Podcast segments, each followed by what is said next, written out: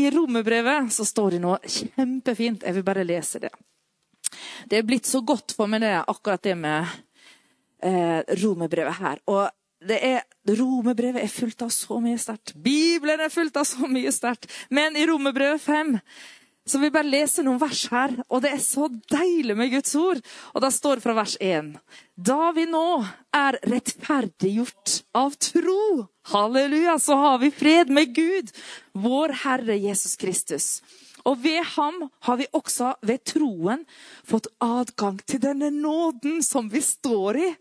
Og vi roser oss av håp om Guds herlighet. Ikke bare det, men vi roser oss også av våre trengsler, for vi vet at trengslene, det virker tålmodighet. Tålmodigheten virker et prøvet sinn, og det prøvede sinnet håp. Og håpet, det gjør ikke til skamme. For kjærligheten, for Guds egen kjærlighet, er utøst i våre hjerter Oi, oi, oi, det er så sterkt. Les, les en gang til. Og håpet, det gjør ikke til skamme. For Guds kjærlighet er utøst i våre hjerter ved Den hellige ånd, som er oss gitt. Å, det er så sterkt. Halleluja. Vi har fått eg, Guds egen kjærlighet utøst i våre hjerter. Så når du er gjennom trengsel, eller uansett eh, hva du går igjennom, så kan vi få kjenne at det, det, denne prøvede troen sant, og sinnet vi får lov å komme til manns modenhet i denne, denne, den tiden den går igjennom litt tøffe ting. Og Jeg tenkte jeg har lyst til å si dette litt opp imot bønnesvar. Jeg vet ikke, Er det noen her som ber for barn og barnebarn? Sant? Ja. Jeg bare hadde en sånn fin samtale her ute nå i stad med en søster. Eh, og, og, og, da tenkte jeg på det jeg, Nå, for to måneder siden, så min eh, eldste nevø Han er rundt 30 år, eller lett opp litt 30 år. Og eh, har, har, eh, ja, han har levd et litt tøft liv. Hatt ADHD og Eh, klarte ikke dette med medisinene og selvmedisinerte seg. Har rusa seg en del, men så var det det med hasjen som var så kjærkomment, som han syntes passa så bra for han. Og så for to måneder siden så ble han frelst. Frelst, frelst. Altså, han visste hva dette dreide seg om. Han hadde mange spørsmål i mange år, og han har vært på distans. Altså, han har ikke villet forholdt seg til det. Men dette med den krigen, da. Det har bare vekt han opp. Og ting han har huska. Ja, men Jesus kom igjen. Skippen. Og han, han, har hatt så mange spørsmål. Og så ble han frelst. Og, vet, og så, og sto jeg snakka med ei søster her som, som, fortalte at hun hadde da en, en nevø som hadde blitt eh, frelst, og, og, det var så godt å være sammen. Så tenkte jeg oi, du får lov å stå midt oppi bønnesvar. Og jeg bare tenkte, vi må, vi må bare lære oss å fryde oss i de bønnesvarene. For av og til så kan du gå, og du kjenner du er i tålmodigheten, og du nesten Du går ikke over i langmodigheten, for, for vi, det er ikke alltid vi har, har klart å gjøre. Så er det nesten som du vil gi opp. Men det er alltid, alltid forferdelig farlig å gi opp. Du må aldri gi opp. Det er alltid for tidlig å gi opp. Fordi at eh, gjennombruddet kan være rett her. Og så gir vi opp, så tenker vi nei, ah, så snur vi oss, og så bare gir vi opp. Orker ikke å liksom tro at eh, nei, det går ikke, det nytter ikke. Men vi fortsetter å ber. Hvorfor det? Fordi jeg er voktmenn, watchmen, wonderwall, wall. Vi står på muren, og så ber vi for våre. Vi ber for gjennombrudd, at det skal bli frelst, at de skal få lov å oppleve Gud. Og vi ber også for nasjonen vår, at vi skal få se vekkelse i Norge. Det tror vi på. Sant, Liv? Amen. Vi, vi, skal ha vekkelse over denne nasjonen. altså. Vi skal se denne nasjonen vende seg til Gud igjen. Halleluja. Så opp imot dette bibelverset her, så kan vi få lov å bare kjenne på at eh, de bønnene du har, de har de der. Minn Herren på de hele tida. Og ha tro på gjennombrudd. Ha tro på frelse i familien din, barna dine, barnebarna, om det ber for oldebarna òg. Ha, ha, tro på det, altså. For, det er, for en klippe og viktig det er med de som står og ber. Enten du er bestemor og du vet Det som er så sterkt, er at når noen på en måte går over fra tiden til evigheten, så lever bønnene videre. Det er bønnene som er bedt, de lever videre. Halleluja. Så vi tror på gjennombrudd. Og det gjør vi også på himmelhav. Jeg har ei liste her fordi at eh, himmel og hav er blitt så stort. Og jeg og Jørn vi har noen medarbeidere, men eh, vi klarer ikke å gjøre alt det som skal til i et så stort stevne. Så vi setter så pris på, og er så takknemlig for hver enkelt som tenker ja, ja, jeg kommer ned så så mange dager, jeg kan være med og bidra med noe.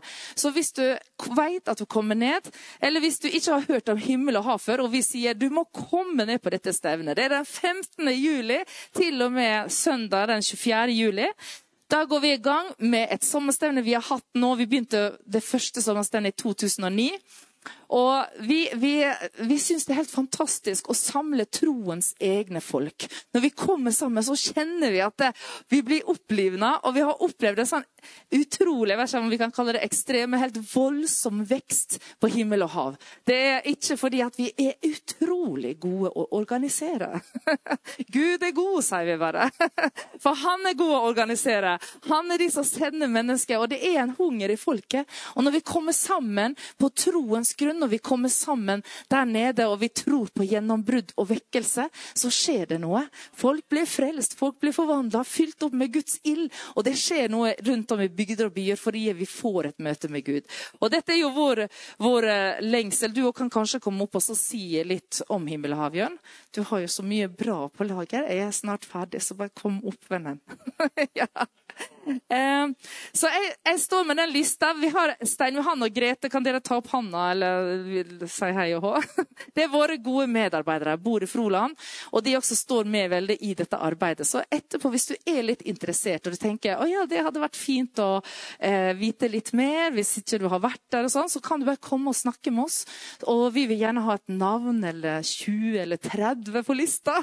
Så kom. Det er godt å stå sammen i å bygge Guds rike. Amen. Så bra. Var ikke det bra? Det var veldig bra. Halleluja.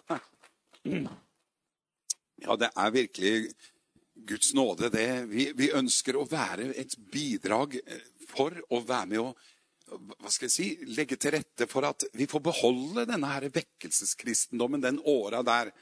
Eh, og det kan jo høres litt rart ut når jeg sier at få beholde den. Ja, men alle vil vel ha den? Ja, i, i, i utgangspunktet vil alle det. Eh, men så er det litt forskjellig oppfatning om hvordan det her skal skje. Eh, og da har vi også en liten mening om det. Eh, og, og da, nå, nå, er det farlig å begynne å snakke her, men da, da tror vi på at det er Bibelen som er løsningen det er Vekkelseskristendommen trenges virkelig å bryte gjennom i nasjonen vår. Og det er noe ugjort på den fronten. Det betyr ikke at liksom vi er helt feilslått alt vi holder på med, men det er, no, det er, det er mer land å innta. Eh, og, og, det ønsker vi skal være noe av den derre åren der nede, sånn at vi kan komme ned og, og fatte nytt mot og kjenne at det, vi er mange, faktisk, eh, og som tror på, på det samme og som går for det samme. Eh, når jeg sier det, så kan jeg jo ta med noe som jeg kom, tenkte jeg skulle berøre i, i, kveld. Fordi at eh, når vi snakker om dette her med, med, med Vi tror virkelig at Norge skal få oppleve et mektig gjennombrudd i vårt land. Det tror jeg på. Og bare en sier det, så kan du kjenne at det er noe som sanksjonerer i ditt hjerte hvis du har Den hellige ånd. Hvis ikke, så må du, hvis ikke du kjenner det sanksjonerer når vi snakker om vekkelse i Norge, så må du på kne her i kveld. Skal vi be for deg sånn at du blir fylt med Den hellige ånd. For når du blir fylt med Den hellige ånd, så vil du bare kjenne å, det er noe på gang for landet vårt. altså. Halleluja, for mine får høre min røst, vet du. Han bor i oss, han virker i oss til både å ville og gjøre hans vilje. Og han vil at alle mennesker skal bli frelst, også nordmenn, og komme til sannhetserkjennelse. Og Det var veldig flott å være i Bulgaria og se hvordan nettopp dette skjedde. Det var rett og slett hundrevis som tok imot Jesus der nede nå. I, i, vi kommer rett derfra nå. Eh, vi dro klokka fire i natt, og så er vi her nå. Halleluja. Og, og det var helt fantastisk å bare se hvordan man, uh, man, man gjør sånne kampanjer som man gjør i Afrika. ikke sant? Men vi må gjøre det samme her hjemme. Og, og det er egentlig ingen som gjør det og har gjort det i Europa. Men hva er det som skjer i Europa nå, da? Det er jo helt forferdelige ting. Vi kan si Europa, hva skjer i Europa nå? Så tenker alle på krig. Men det var så godt å stå der i Bulgaria, på torvet i Sofia, og bare se eh, masse mennesker bli helbreda og frelst i Jesu navn. Halleluja, jeg tror det kommer til å skje saker, altså. Amen. Og vi har noen sånne visjoner for Europa, vi også. Vi får bare ta det i den rekkefølgen som Gud gir det. Og vi har litt sånn samarbeid med, med de som allerede er der. Og, og, og, og, vi liksom eh, er og sjekker ut hvordan vi kan gjøre dette på en best mulig og effektiv mest mulig måte. Og det er bare å gjøre det. Det er bare å proklamere evangeliet, innby til frelse, halleluja, få menighetene til å stå sammen. Og så, og så er ting på gang, altså, i Jesu navn. Og jeg tror så på det samme vi skal få se det i Norge. Jeg sa det til Pernille når jeg sto der og kikka på. Du vet hva, Dette her er ikke utenkelig å se i Norge. altså. En 30-40 stykker frelst hver eneste kveld sånn ute på gata med håndsopprekkelse og kommer fram og blir bedt for og gråter. Og, og, og, du ser at lyset går på. vet du, Halleluja! Ser i øya, pling! liksom, Der gikk lysbryteren på. Det er fantastisk, og, og det er mye, mye på gang. Så, så vi også driver i, i, vårt arbeid og forbereder oss. Vi er inne i litt eh, forandringer i arbeidet, på en måte. Vi tror Jesus kommer snart igjen, og det er bare viktig å, å, å prøve å zoome inn hva Herren har for hver, hver, enkelt av oss. Og det han har for hver enkelt av oss, når jeg nå snakker litt om det, så er det jo klart at vekkelseskristendommen den skal bryte igjennom. Og det er igjennom mennesker som enkelt og greit tror på Jesus og har fått oppleve Jesus. For Jesus han er oppstanden, ikke sant? Det er mer enn, noe, det er mer enn et fint eh, overhead på veggen eller noe sånt, slagord eller noe. Men det er en sannhet med sånne fantastiske dybder i som vi tror på. Og derfor så handler vi og lever ut ifra det. Halleluja. Og, og himmel og hav er jo da som sagt et sånt sted hvor vi ønsker å være med å inspirere til dette, legge til rette for det, forkynne det, tro på det eh, og sånn. For eh, jeg var inne på litt at eh, trengs det da, liksom? Litt sånn. Så tror jeg ja. For du skjønner, dette med hverdagskristendom Nå skal jeg bare ta det. Jeg tenkte på det her for en stund siden. Er, det er mange måter å tenke på hvordan vi skal få gjennombrudd i landet vårt på. ikke sant? Det er jo mange gode ideer. Og, og en av de er mange ganger man sier at nei, ja, men vi, vi, vi, trenger egentlig ikke sånn vekkelse. Det er ikke så mange som sier det, for alle skjønner jo det. Men det er faktisk noen som tror at nei, vi trenger egentlig ikke vekkelse. Vi trenger bare hverdagskristne. At alle kristne lever litt sånn i hverdagen. Og det, det er jo bra. Jeg tror på hverdagskristendom. Absolutt. Eh, også, men jeg tror på vekkelse også. Jeg tror ikke du trenger å velge imellom liksom eh, Det spørs jo hva du legger i begrepet hverdagskristne. Men mange ganger da, så har jeg møtt noen som sier ja, jeg er ikke lenge siden jeg møtte en kar som sa det at ja, nei, så, i vår menighet er vi ikke så fokusert på sånne voldsomme ting som mirakler og sånne store proklamasjoner som hauser opp forsamlingen med. Sånn. Men vi er liksom mer sånn hverdagskristne, og vi tror liksom at hver og en og, og, vi ser Gud i det små. Du trenger ikke sånne store mirakler. Gud er i det små. Så kom han med noen sånne hverdagslige eksempler da, som, som, liksom hørtes jo og er veldig bra. For jeg tror på Gud i det hva skal du si, store og lille, hvis du kan definere det sånn. For egentlig er jo alt det Gud gjør, stort. Gud, det er jo bare stort, for han er Gud, og han er stor. Så når han gjør noe, så er det ikke stort og lite sånn. Alt han gjør, er stort. Men det kan også komme en sånn liten sånn unnskyldning på at eh, fordi vi ikke har kanskje opplevd eh, å, å si, se ildtunger, og, og at altfor mange eh, rullestolmisbrukere har reist seg opp. og Det er kanskje ikke så mye Nei, rusmisbrukere og, og, ja, og rullestolmisbrukere og alt det her. Eh, det, det, det, det, er ikke så mye vi ser av det, liksom. ikke sant? Så istedenfor å kanskje gå litt i, i, i, Ikke i seg selv for mye sånn, men gå inn i et litt ransakende modus opp imot Bibelen og, og, og, og, si liksom Hvorfor er dette så mye av i Bibelen, og, hvorfor opplever ikke jeg dette så mye i mitt liv? Men jeg er jo en hverdagskristen og får sagt kanskje at Jesus elsker deg, eller Gud velsigne deg til kassadama på butikken, så føler du virkelig fått forkynt evangeliet. Halleluja! Og så sier Gud, å, Gud er hverdagskristen, og alt dette. Ja, amen. Si Gud velsigne deg til kassadama. Det er sterkt. Du kan begynne der, i hvert fall. Til slutt så forkynner du evangeliet for henne. Halleluja. Amen. Men også er det liksom sånn at det, noen ganger så kan vi gjemme oss litt bak den der. der. Sånn at det, ja, nei, vi, vi, vi, har liksom ikke fokus på det spektakulære. liksom Akkurat som eh, med en gang du tror på å vekke opp døde og rense spedalsk, så er du liksom litt sånn anspent karismatiker som, som trenger liksom å, å, å, å, bli litt mer hverdagskristen. Jeg vet ikke om dere kjenner igjen det her, men Men, men, men dette, er jo, dette er egentlig strømninger som, som, jeg tror egentlig er åndsmakter som påvirker oss til å holde oss borte fra apostlenes gjerningers kristendom. Og det kommer i mange forkledninger. Kommer som en lysets engel. Kommer kledd ut som en god idé, liksom. Eller som en omsorgsfull eh, tanke. Eller en, en visdom. Djevelen, demonene, elsker å ta på seg visdommens kappe. Og så sier han du må bruke visdom. sier han. Ro deg ned litt. Det var noe av det første jeg fikk høre. Var, det, nå er jeg forbi det, da, men ja, halleluja. Men, men, djevelen han har så mange fine måter, eller slue måter å komme på listige knep. Han kommer liksom og utgir seg for å være noe bra. 'Å, du må ikke dø, Jesus', liksom. Det er jo omsorg i det, til og med. Det er jo klart at Ingen ville jo at Jesus skulle dø. Og så sier bare Jesus 'Vik bak meg, Satan'. Ja, var plutselig Satan inni Jesus? Nei, Peter sånn. Han var påvirket av Satan. Enda Satan kom som en sånn lysets engel der. Han kom i omsorgens navn liksom, og, og prøvde å komme med en slags visdom. Men da sa bare Jesus, 'Vik bak meg, Satan.' Hvorfor det? For du har ikke sans for det som hører Guds rike til. Og det er akkurat den åndsmakten du merker. Hva er Guds rike? Jo, det er Bibelen. Der ser du hva som hører Guds rike til. Og hva hører til i Guds rike? Vekk opp døde, rens medalske, driv ut ånder. Halleluja! Og du skjønner det, at hver dag la Herren de som ble frelst til menigheten, står det. Det er hverdagskristendom i Jesu navn.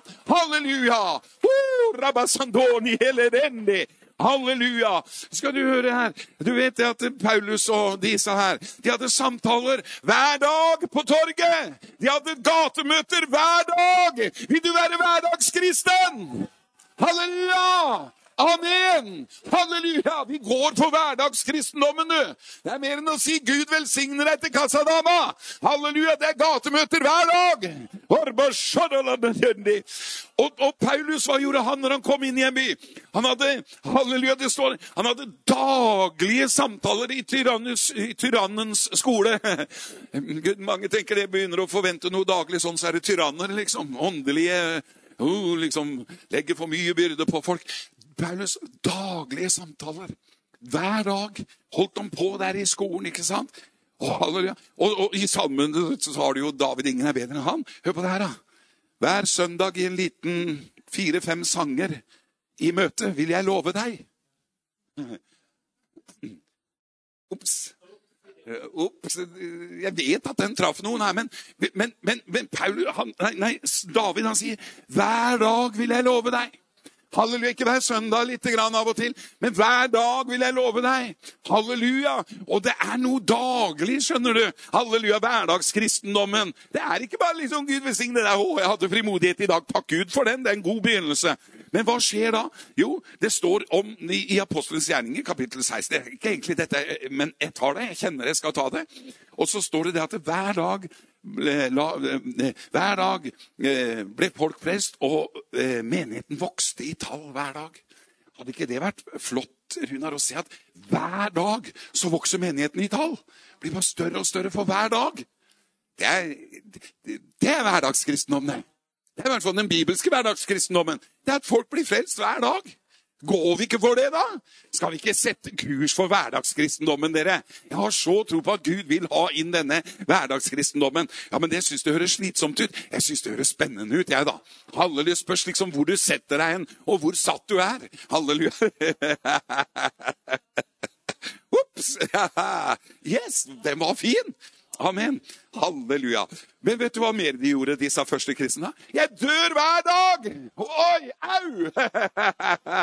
Men det er også noe som skjer hver dag. Det er jo derfor folk blir frelst hver dag. Halleluja. Fordi det er noen som ikke holder sitt eget hele tiden som liksom nummer én og meg og mitt og min familie og mine penger og min, min fritid og min og min og mine venner og mine meg og mitt, liksom. Nei, hver dag så, så bare Vet du hva? Det står ingen kan være min disippel uten at han daglig tar opp sitt kors! Vil du fremdeles være hverdagskristen? Halleluja! Du likte at folk ble frelst hver dag, ja vel, men det var fordi at de hver dag tok opp korset. Halleluja. Så spørs det jo litt hva du legger i det begrepet. Det er en annen side av saken. Der har det vært mye rart, og det er det også. Men, eh, men vi må ikke blande korta her. Må ikke blande korsa her. Halleluja. Så, så, så vi tror på rettferdiggjørelsen. Den, den tilegnede rettferdigheten, den tror jeg på. Men jeg tror sannelig at jeg skal vandre i rettferdighet også. Halleluja. Og det er bare Den hellige ånd som kan hjelpe oss til det. Så, og, da, og da er det jo ikke slitsomt. Så da er vi ute av loven og over i ånden. Amen. Halleluja. Det henger på greip, det her. Amen. Det, det, å. Wow, så bra. Tenk, se på det her, da. Ja, men det var i gamle pakt, det vel? Det er ikke akkurat mye gamle pakt det refereres til her, da. Det er ikke Moses, det står i Kristus, står det. Halleluja. Så vi, vi, ja, Litt sånn forvirring har det også vært, men det er godt å lese Bibelen, da. Eh, men den døden der er ikke noe sånn, det er jo ikke noe vi gjør for å bli rettferdiggjort, eller fordi vi tror ikke Gud elsker oss nok. og sånn. Vi må ikke alltid ha det referansepunktet mot at Gud er ikke glad i deg. Eh, men, men, det er fordi du er glad i Han. ikke sant? Derfor gjør vi dette hver dag. Vi elsker jo Jesus. Det er jo dette vi vil. Det er jo dette som er inni oss, vår, vår trang etter å se at evangeliet bryter igjennom. Det er jo, det er jo, Han virker inni oss til å ville å gjøre hans vilje. Ja, hva vil han da? Han vil at vi dør hver dag. Halleluja, det vil Gud. Og hvis Gud bor i deg, så vil du det samme. For du blir med på lasset. Halleluja, Så hvis du vil det da, da er jo problemet løst. Da er det jo ingen som sier 'du må'. Du kjenner bare 'jeg må'. Halleluja. Det er forskjell på 'nå må du' eller 'nå må jeg'. Halleluja. Den nye pakt er bare 'jeg bare må'. Den gamle pakt var 'nå må du'. Det er forskjellen. Men Gud være takk at vi av hjertet er blitt lydige til den læreform vi er overgitt til. Vi elsker Jesus, og han elsket oss først. og Derfor så elsker vi bare tilbake. Og da er det jo ikke vanskelig å være sammen med kona di hvis du elsker henne. Det er jo verre hvis det tar slutt på den kjærligheten. Da blir det som en sa, jeg mista følelsene for kona mi. Han, han blei litt sint, men jeg har sikkert sagt det mange ganger. Men jeg kunne ikke dy meg for å si det. Har du mista følelsen for kona di? Ja. Det var sånn, det var veldig alvorlig, dette, da. Ja, men har du leita etter dem, jeg. Han liksom ble, så han ble litt sånn fornærma, for dette var jo liksom veldig alvorlig. Han hadde jo mista følelsen for kona. Han måtte jo Å ja, det er ikke, det er ikke helt Det er ikke bare, bare liksom. Og forventa kanskje den. Men så sier jeg ja, mis, leita etter dem, sier jeg. Ja, for det står i Bibelen at det let, så skal du finne, sa jeg. Han, han, snakker ikke helt til meg den dag i dag, men det gjør ingenting. Det gjør ingenting. Og egentlig så En annen gang så var det eh, For det er, noen ganger så du, du, ser det jo litt an, vet du, du kjenner, kjenner liksom sånn, men det er sannelig på sin plass. Det står jo 'let, så skal du finne'. Og så sa jeg til en annen en gang at hvis du hadde mista bilnøklene dine, sa jeg, hadde du leita etter dem da? Ja, sa han. Ja, så har du ikke leita etter følelsene til kona di, da? Det betyr jo at bilen din er mer verd enn kjerringa. Det er ikke rart du har et dårlig ekteskap. og det er sånn, litt sånn gøy og litt sånn på kanten, helt liksom der, men, men det er jo allikevel sannheter i det. For det er, så, så det er det, Ja, amen. Men hverdagskristendommen, den gjelder også i ekteskapet. Skal vi skrape sammen til et amen? Ah, halleluja. Amen. Å, glory, halle. Hørte du det, Pernille? Ja. Å, ja, ja, ja. Du, eh, og så er det jo i apostelens gjerning, dette kjenner du, hver dag kom de sammen, ikke sant? Og de brøt brødet. De hadde i samfunnet eh, Dette med Jesus, det er jo ikke veien, sannheten og søndagsmøtet, men det er veien, sannheten og livet. Amen. Mm. Det er en livsstil, det vi holder på med. Det er ikke en greie.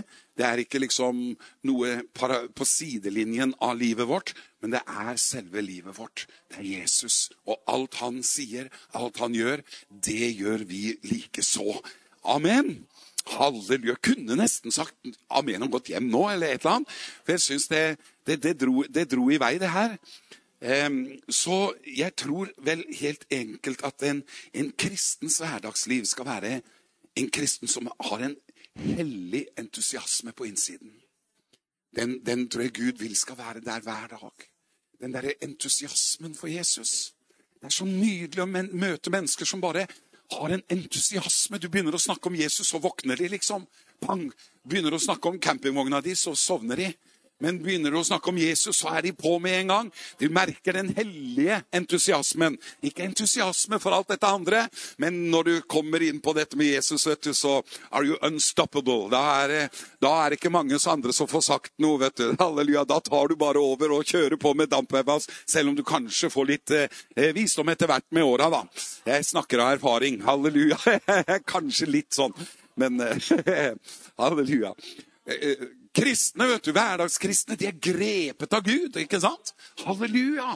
Det, det er ikke liksom noe du blir mm, en gang iblant i noen intervaller når du har det bra åndelig, liksom, fordi du var på et sterkt møte med en eller annen verdenspredikanten Jørn Strand. Halleluja! Halleluja. Nei, dette er noe i hverdagslivet vårt. Vi er grepet av Gud. Og av at vi er grepet av Gud og det, det, Gud har gjort for oss, og det han sier til oss, alle disse løftene som vi bare ser er for oss ikke sant? Hvem kan da være imot oss som vi synger? Og vi bare ser alt det her, så er, vi, vi bare kjenner at det er noe på innsiden som bare elsker tilbake. ikke sant? Det er, en, det er en naturlig respons å elske Jesus når du ser at han elsket oss først. Halleluja. Amen. Halleluja. Så det, å, halleluja. Og jeg tror Norge skal fylles med sånne mennesker som vekkelseskristne kristne som tror på det her, som lever det ut og strekker seg etter og ønsker det i hvert fall velkomment. Og ikke unnskylder seg bak hverdagskristendom, som er på litt annet plan enn den hverdagskristendommen vi finner i Bibelen. For vi vil ha den bibelske hverdagskristendommen i Jesu navn. Halleluja. Oh. Og det betyr velg heller Jesus framfor Barabas, tror jeg det var. Halleluja. Men du, du vet, i en, en, eh, ja, jeg, jeg, kjenner jeg skal ta dette litt videre, men, men en, en, kristen vet du, Er det ikke godt å møte sånne helhjerta kristne også? Entusiastiske eh, kristne som er grepet av Gud, og som er helhjerta. Og frimodige. Frimodige kristne. Er det ikke godt å være sammen med frimodige kristne? Hvis du syns det er bekvemmelig, ubekvemt eh, F.eks. du kan gå og reise med Kjell Haltorp på en liten flyreise. Så vil du kjenne om du blir eh, litt utfordret, eller om du bare sier halleluja. Og sier du ikke halleluja, så må vi på møte her i kveld. Halleluja. Halleluja, så skal vi be for og med hverandre, vet du. Men, men, det er noe med den frimodigheten som de første kristne ikke sant? De kunne ikke la være å tale om det de hadde sett og hørt. ikke sant?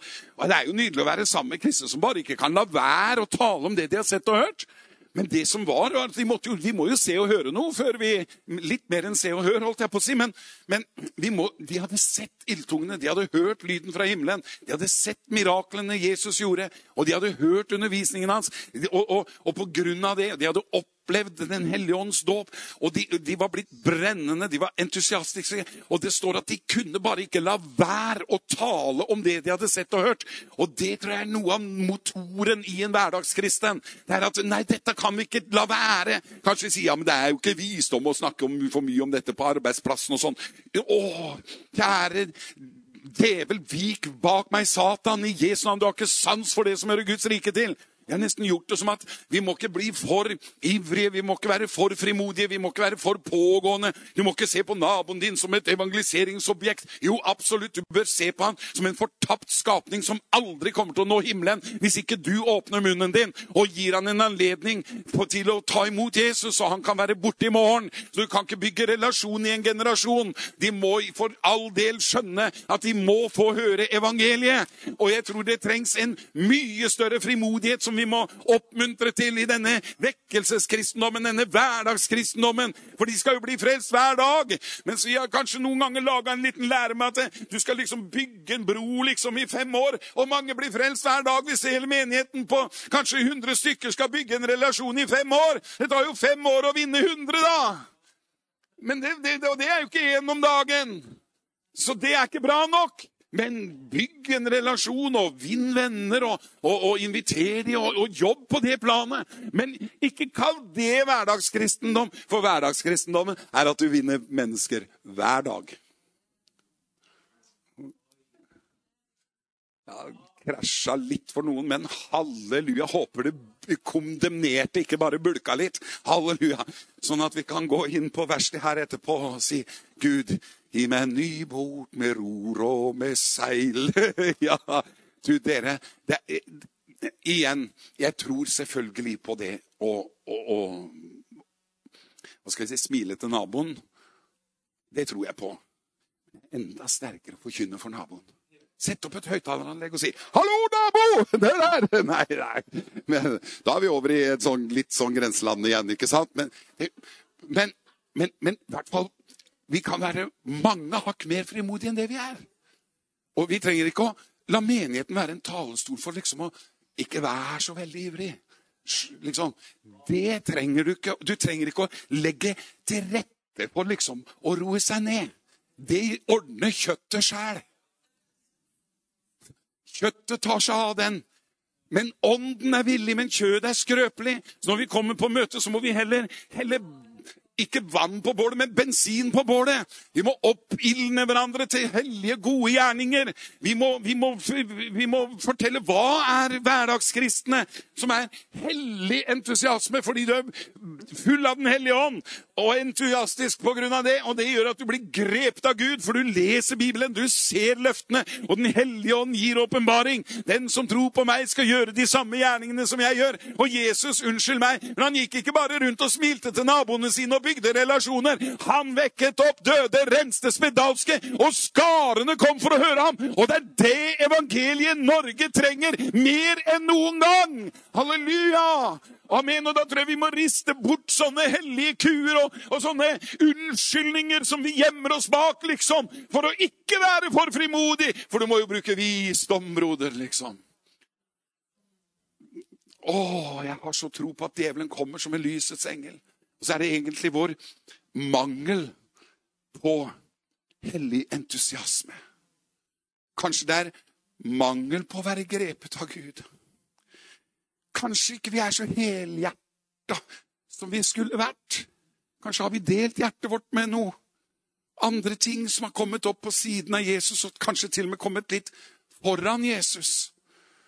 Og Da sier Jesus at vi må nødt til å skyve dette ned på plass igjen. Hva skjer da? Da kommer den helhjerta entusiasmen tilbake igjen. Halleluja. Hvis du er kalt til å være misjonær, men jobber for å bli millionær for at du en gang skal finansiere at du er en misjonær, glem det det kommer til å skygge over. Det er bedre å stole på Gud og si, 'Gud, jeg vil bli misjonær og ikke millionær'. Halleluja, takk at du tar deg av mitt underhold, så vil Gud sørge for at millionærer hjelper deg. Hvis du virkelig er misjonær, så kommer han til å tale til en millionær. Så la millionæren skape millioner, og så kan du uh, sørge for at folk blir frelst. Amen. Så sant ikke Herren sier at du skal gjøre det på den måten. Det kan hende. Noen, noen få. Kent Copeland gjør det, sa han. Han sponser jo i, i hytt og gevær, og, og sånn, men han har en gave til det helt spesielt. Men, men, så det, det, kan skje, men det er ofte unntaksvis. Jeg kjenner mange som skulle liksom komme i gang med en eller annen bedrift og bli økonomisk uavhengig, sånn at de kunne tjene Herren. Og de er ikke akkurat veldig økonomisk uavhengige i dag, de fleste av de folka der.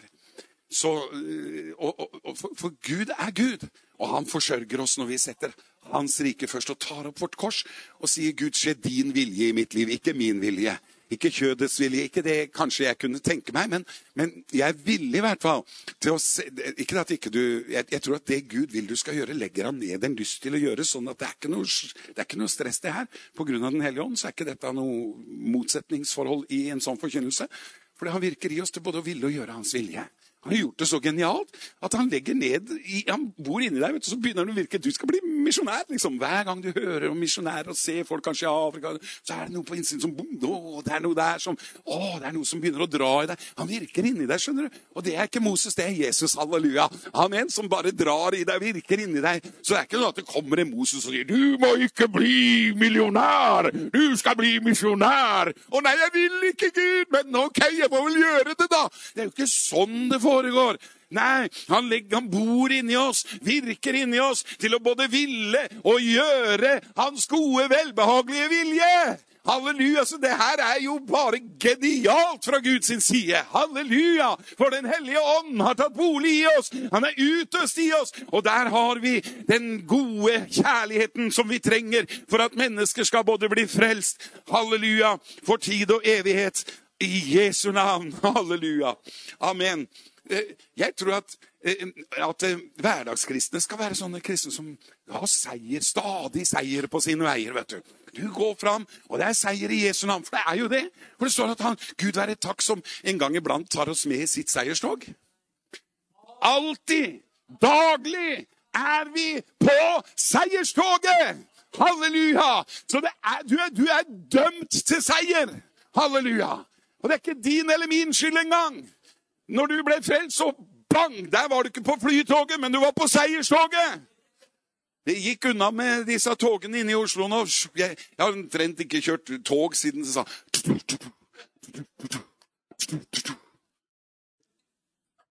Høydalsmo.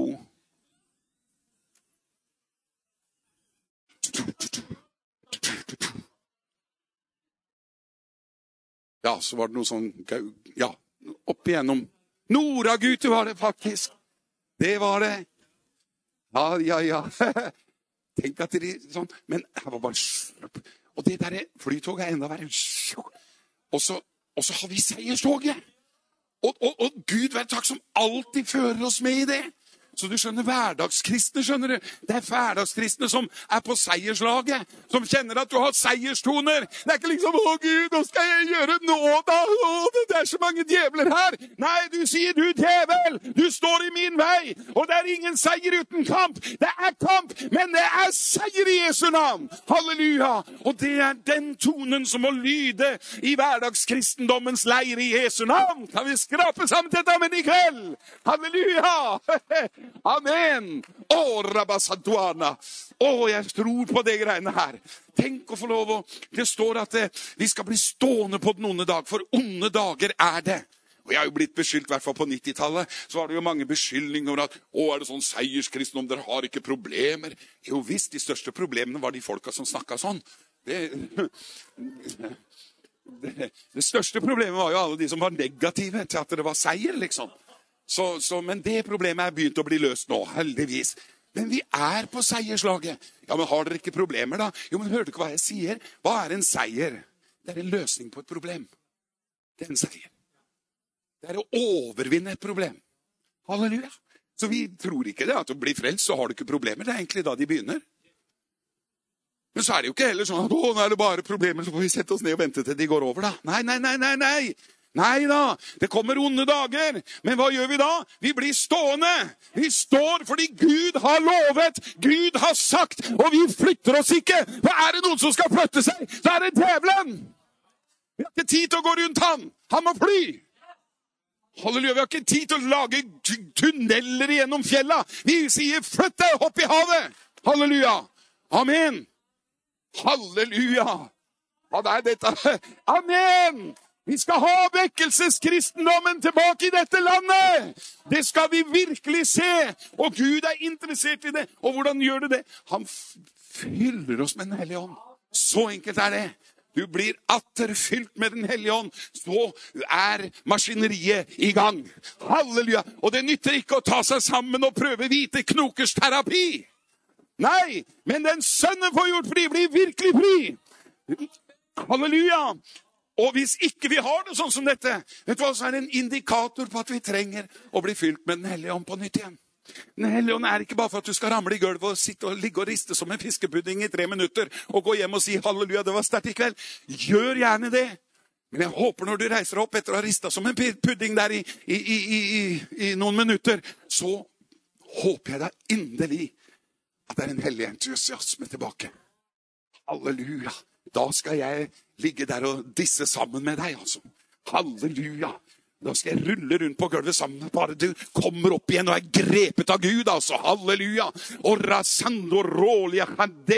Hvis du etter å ha ramla i gulvet kommer opp og bare kjenner Å, jeg vil ut på misjonsmarken igjen. Å, jeg vil fullføre det kallet som jeg har slipt tak i. Jeg vil fullføre kallet. Jeg vil stå imot disse problemene som prøver å trykke ned ekteskap og familie, menighet og andre relasjoner. Jeg står på den bestemme for å stå på den onde dag, for å gjøre gjøre det, så er vi så avhengig av et nytt møte med Jesus. Det forandrer alt. Og når du møter Jesus det er å bli fylt med Den hellige ånd Halleluja, halleluja, halleluja. Vet du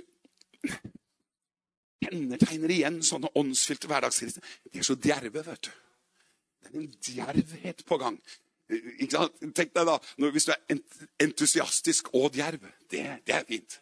Det er en deilig åh, er, Dere er så heldige her som har en pastor som elsker å høre sånne ting som det her. Det, det, det er fantastisk! Det er nesten et mirakel. Det er ikke mange Unnskyld, ikke til forkleinelse til andre pastorer, men det er ikke så mange pastorer som sier ammen til en sånn preken som i kveld. Fordi vi har en helt annen type hverdagskristendom. Vi er redd for å få sparken av Eldsterådet. Så har de ikke noe mer penger, og får de en dårlig stempel i boka, så får de jo ikke noe jobb i en annen menighet i det lille landet her. Så de jobber liksom for å posisjonere seg og passe på at ok, går det gærent her, så får vi håpe vi får kallet til å være pastor et annet sted. Takk Gud at det er en sånn pionermenighet. Halleluja! Som slipper liksom å ha menighetsmøte om ja, ja, ja, og holde på. Nei, det blei litt for voldsomt. Vi kan ikke ha sånne forkynnere, så skal man sitte og stemme over det. Nei, men kjære Jesus, Norge skal bare brenne opp, altså. Halleluja. Det skal Å, jeg tror så på vekkelse i Norge. Og jeg tror det begynner i Guds leir med at vi, vi, vi gjør som i kveld. Vi bare zoomer oss inn på hvor, hvor er det skoen trykker. Halleluja. Det er akkurat hva vi gjør i kveld. Vi zoomer litt inn. Har du en stein i skoen, sant, så er det jo greit å ikke bare late som ikke noe. Liksom, det er jo godt å få den ut. Ja.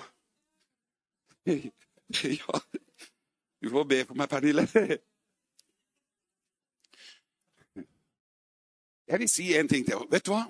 Åndsfylte hverdagskristne, hør på det her, de seirer over synd. Halleluja. De gjør det. Du er sammen med dem, du merker at det er, det er bare noe så sterkt. Seier over synd. Det er for deg som er frelst. Du er med på seierstoget. Halleluja. Halleluja. Det, ja, jeg vet at vi er tilgitt synd. Amen. Vi er rettferdiggjort. Og takk Gud for den undervisningen.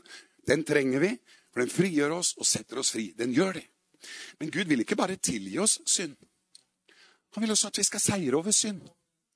Så Vi må ikke holde dette heller opp imot hverandre og blande korta, eller hva det enn er for noe. Vi, må, vi må skille på det. Vi har en tilegnet rettferdighet. Men så vil Gud at vi skal vandre i rettferdighet og oppføre oss med rettferdighet overfor hverandre. ikke sant? Så det er jo en oppførsel som skal være hellig, og som skal være verdig. Og det er også at vi er tilegnet Hans hellighet. Så vi er hellige og ulastelige. Men sannelig skal vi vandre hellige og ulastelige også. Ja, men hvordan skal det gå til, da? Ja, ok, Er det ikke nok at Jesus gjorde det, for vi ikke kunne det? Ja, men hvorfor i all verden har du Den hellige ånd da? Hør på det navnet. Hellige ånd. Hva blir du når du blir fylt med Den hellige ånd? Du blir hellig. Og det er jo vår helliggjørelse. Det er å bli fylt av Ånden. Sånn at Han kan begynne å påvirke oss og hjelpe oss med vårt skrøpelige kjød. Amen. Han vil ikke bare tilgi oss for at vi er i kjøttet. Han vil at vi skal drepe kjøttet også. Amen. Halleluja. Halleluja. Vi må ha hele fylden av Guds forkynnelse. Overbetoning på en av disse blir feil. Begge to blir vekkelse. Halleluja, Vi vet at vi er fullstendig uten fordømmelse, for vi er tilegnet Hans rettferdighet. Hans rettferdighet er min, men det er den tilegnede rettferdigheten. Men så sannelig forventer Gud at jeg skal oppføre meg med rettferdighet blant mine medmennesker. At vår vandring også skal være ulastelig. Ja, men er det bibelsk, da? Ja, Hvem var det som skulle velges til menighetens ledere, da? Skulle ikke de være ulastelige? Jo, de skulle det. Det var, ikke med, det var jo ikke lederne til synagogen, det var ikke yppersteprestene de snakker om. Nei, for De sleit jo nettopp bare fram offer fordi de ikke var det.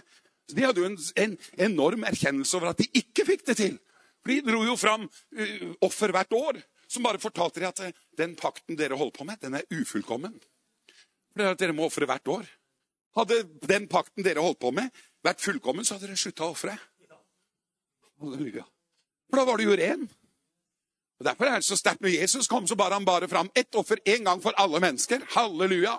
Og dermed er vi nå så frelst som det går an å bli. Halleluja. Kan ikke bli mer frelst enn jeg er nå, jeg. Jeg kan ikke det. Jeg holdt på å si gørrfrelst, som de sier på Sørlandet. vet du. Gårdfrelst, vet du. Det er kanskje litt feil ord, men, men, men eh, i Froland er det lov. Halleluja, ikke sant, mitt kjære venn? Ja, Vi er gårdfrelste der nede, vet du. Det er skikkelig herlig å være gørrfrelst. Altså. Nei, nå må jeg prøve. Men, men, det var litt gøy, da. Lenge siden jeg har flippa ut litt. Takk, Pernille. Det går det greit? Det er lørdag kveld. Det er lørdag. Litt lørdagsgodt må jeg være Nei da. Halleluja. Du, dere, det er Du vet, Jeg kan ikke bli noe mer frelst enn jeg er på grunn av at Jesus har frelst meg. Jeg er fullkommen, jeg er hellig og rettferdiggjort i Han. Hans rettferdiggjort. Han har, jeg har rett og slett jeg har kledd på meg hans rettferdighet. Det er som en kappe. Det er som en frakk, en svær frakk. Du kan ikke se beina engang. Som du tar på deg, som heter rettferdighet. Guds rettferdighet. Jeg skal ha en sånn kappe med meg på møtet en gang. Skikkelig sånn svær sånn flyverkappe fra 1950, liksom. Sånn, sånn svær sånn skinngreie. Så du ikke ser noe. Halleluja. Og så er det Guds rettferdighet. For vi er ikledd hans rettferdighet. Men nå er det hans rettferdighet som vi blir tilegnet og ikledd. Og da er vi ulastelige, og Gud, vi er fullkomne for Gud. Og vi kan bare slappe helt av. Det fins ingen fordømmelse. Og hele den pakka der, alt det forsvinner i den åpenbaringen der. Og takk Gud for det. Det trengs, det også.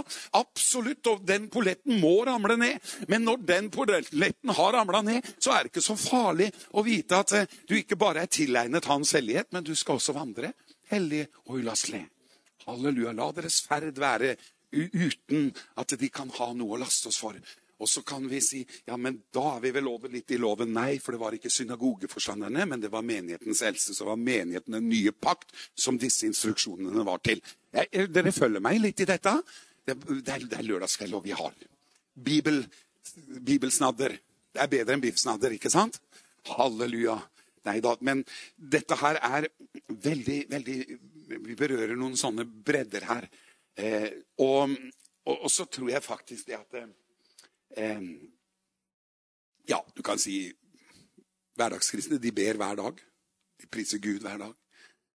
De bryter faktisk brødet hver dag. De kommer daglig sammen. De har gatemøte hver dag. Ja, det er ganske voldsomme ting. Og, og da vi i hvert fall, skal vi være enige at vi nå har definert hverdagskristen. Så neste gang noen sier til deg ja, vi må være hverdagskristne, så sier 'Amen', sier du. Og så drar du hele lista i kveld, ikke sant? Halleluja. Nå, det... Nå går vi hjem og finner ut hva var det de første kristne gjorde hver dag. Det er hverdagskristendommen som vi satser på. Det er liksom malen vår, det er oppskriften vår, det er utgangspunktet vårt. Og om vi ikke klarer dette på én dag Det er ikke sikkert du klarer alt dette vi snakker om, på én dag. men den, si, den åra, den prosessen, den, den, retningen ligger for forsamlingen. Den ligger for Guds hus og for Guds folk. Det er liksom denne åra her. Og da er det vekkelseskristendommen vi snakker om. Og den trengs det å kjempes for, skjønner du. Det gjør virkelig det. Men ubevisst. Det, det er en åndskamp som foregår veldig over hodene på oss mange ganger. Og vi tror bare det er litt tilfeldigheter, og vi tror kanskje bare vi har noen forskjellige meninger om ting. og Vi tenker at vi må jo respektere hverandres meninger og holdninger, og sånn, og det må vi. Men vi må også analysere hvor i all verden kommer disse holdningene fra. Akkurat på samme måte, tror jeg, som Den hellige ånd det står, som Pernille leste. At Den hellige ånd er utøst i våre hjerter. Eller Guds kjærlighet er utøst i våre hjerter ved Den hellige ånd, som er oss gitt. Altså Den hellige ånd er oss gitt. Og bare, Hvis jeg får lov å, å, å, å bare ta litt på den, så ser du Der viser Bibelen oss at Den hellige ånd er i oss. Så han er her. Og da er han jo ikke langt borte. Og så allikevel, må i hvert fall jeg si, så er det ikke så lett å liksom høre Den hellige ånds stemme like lett alltid. Det er noen som håper å si, misbruker Herrens navn. da. Jo, de, de, Gud har vist dem alt mulig. Det er liksom, ja, Herren har vist meg det, og Gud har vist meg det, og Gud har vist meg det. Og når jeg hører sånne, så tenker jeg oi, jeg skulle ønske jeg hørte fra Gud like lett som deg. liksom. For jeg syns Den hellige ånds stemme er ganske stille. Han er ikke som Jørn Stram på den måten. Når jeg proklamerer evangeliet og forkynner evangeliet, så er det der. Men, men når du skal liksom lytte inn Guds vilje, og sånt, er det noe helt annen dimensjon på gang med en gang. Da er det i det stille. Jeg har jo Den hellige ånd inni her, og han heter talsmannen. Og hvis du har talsmannen på innsiden, hvorfor hører vi ikke mer fra ham da? Er han så stille, da? Ja, som en due. Stillhet. Der er det noen taler. Du og jeg skal ikke tale i stillhet. Det er Den hellige ånd som gjør det. Jesus sto på den siste dag og ropte ut, men da var det evangeliet som forkynnes. Da er det ikke stillhet. Men når Gud skal tale til oss, så må vi være stille. Og der syns jeg det kan være utfordrende å, og, og, og liksom skjelne. Ikke kanskje i de små tingene, men hvis Gud sier til deg selv alt du eier, har å flytte til en annen by Hvis Gud kom til deg og sa det, da ville du kjent at du helst ville være helt sikker på at det var Gud. Da var det ikke bare ja, Gud har sagt til meg liksom da, at jeg skulle kjøre ned på salg og kjøpe en genser til halv pris. liksom. Det er fint. Men hvis han sier Selg alt du eier og har, og gi det til de fattige, liksom. Så skal ja, Gud har sagt meg ja, liksom, Da skal vi være sikre. Og Jeg skulle ønske mange ganger at Gud kom med en sånn finger, sånn som vi leser om i profeten, ikke sant? som kom og, og, og skreiv liksom på veggen hva vi skulle gjøre. I hvert fall hvis du står overfor alvorlige valg. Ikke sant? Da, da vil vi være sikre. Og jeg merker at jo mer alvorlig mm, ting du står overfor, jo mer ydmyk blir jeg for er dette Herren. Det, du kjenner liksom, Da vil du gjerne ha noen statsfestelse, og så får du det når du bærer dette i bønn. Men, men akkurat det det viser at Den hellige ånd er så umerkelig til stede. Men han er der. For det står at Guds kjærlighet er utøst i våre hjerter ved Den hellige ånd. Og så blir denne problematikken egentlig gjenspeilet litt i, i, i, i brevene hvor det står Vet du ikke at du er et tempel for Den hellige ånd? At Guds ånd bor i dere? Så det går an å ha den der uten liksom å være det bevisst, på en måte. Og jeg tror de fleste av oss som er her, som er født på ny, ønsker å høre åndens stemme enda klarere. Lytte inn, liksom. Gud bli mer sikker i dette. Og det er så tilgjengelig dimensjon som ligger rett foran nesa vår. Det er så tilgjengelig, dette med visdomsord og kunnskapsord. og Kunne lytte inn fra himmelen og bli kjent med Den hellige ånds ledelse og tilskyndelser. Og i, i form av også gaver som Den hellige ånd bruker, med visdomsord og kunnskapstale og sånn. Alt dette her er ting som virker ved ånden. Og det er ting som må, må, må måtte Hva skal jeg si hentes fram. Det er ikke bare liksom trykke på en knapp og så liksom det, det, det, det, er noe du beveger deg med. Det er noe du går inn i. Det er en dimensjon sammen med Den hellige ånd. Du, du samtaler med han, og, og, du ber, og så kjenner du dette her, freden eller ufreden og sånn. Og så begynner du å se retningen. Du kjenner fred for noe, og så begynner du å kjenne ufred for noe.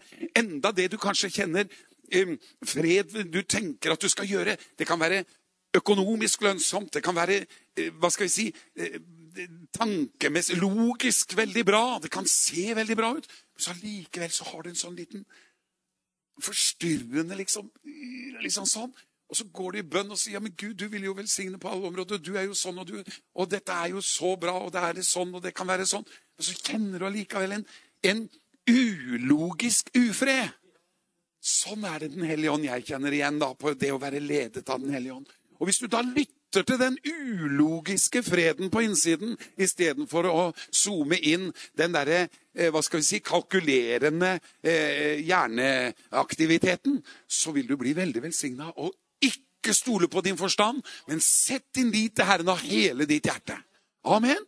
Halleluja. Men da må du jo vite at det er Herren, og da er utfordringen hjelp oss å lytte inn den stemmen. Og her er det et, et, det vil jeg si, et utrolig spennende landskap som jeg tror vi i menighetene våre skal bare fokusere inn enda mer. Da kan vi komme inn i utrolig masse sånne ferdiglagte, spennende opplevelser med Gud. Altså når, er, når vi lærer oss å lytte inn Den hellige ånd, så, så, blir det mye spennende i hverdagen. Halleluja. Halleluja. Er det ikke fint? For Den hellige ånd er ikke bare noe du får i et ettermøte. At, unnskyld at jeg har holdt på litt med det i stad, men Den hellige ånd er mer enn en håndspåleggelse om berøring i følelsen av at å, nå kjente du deg litt mer til mote, for du var så deprimert før du kom på møte.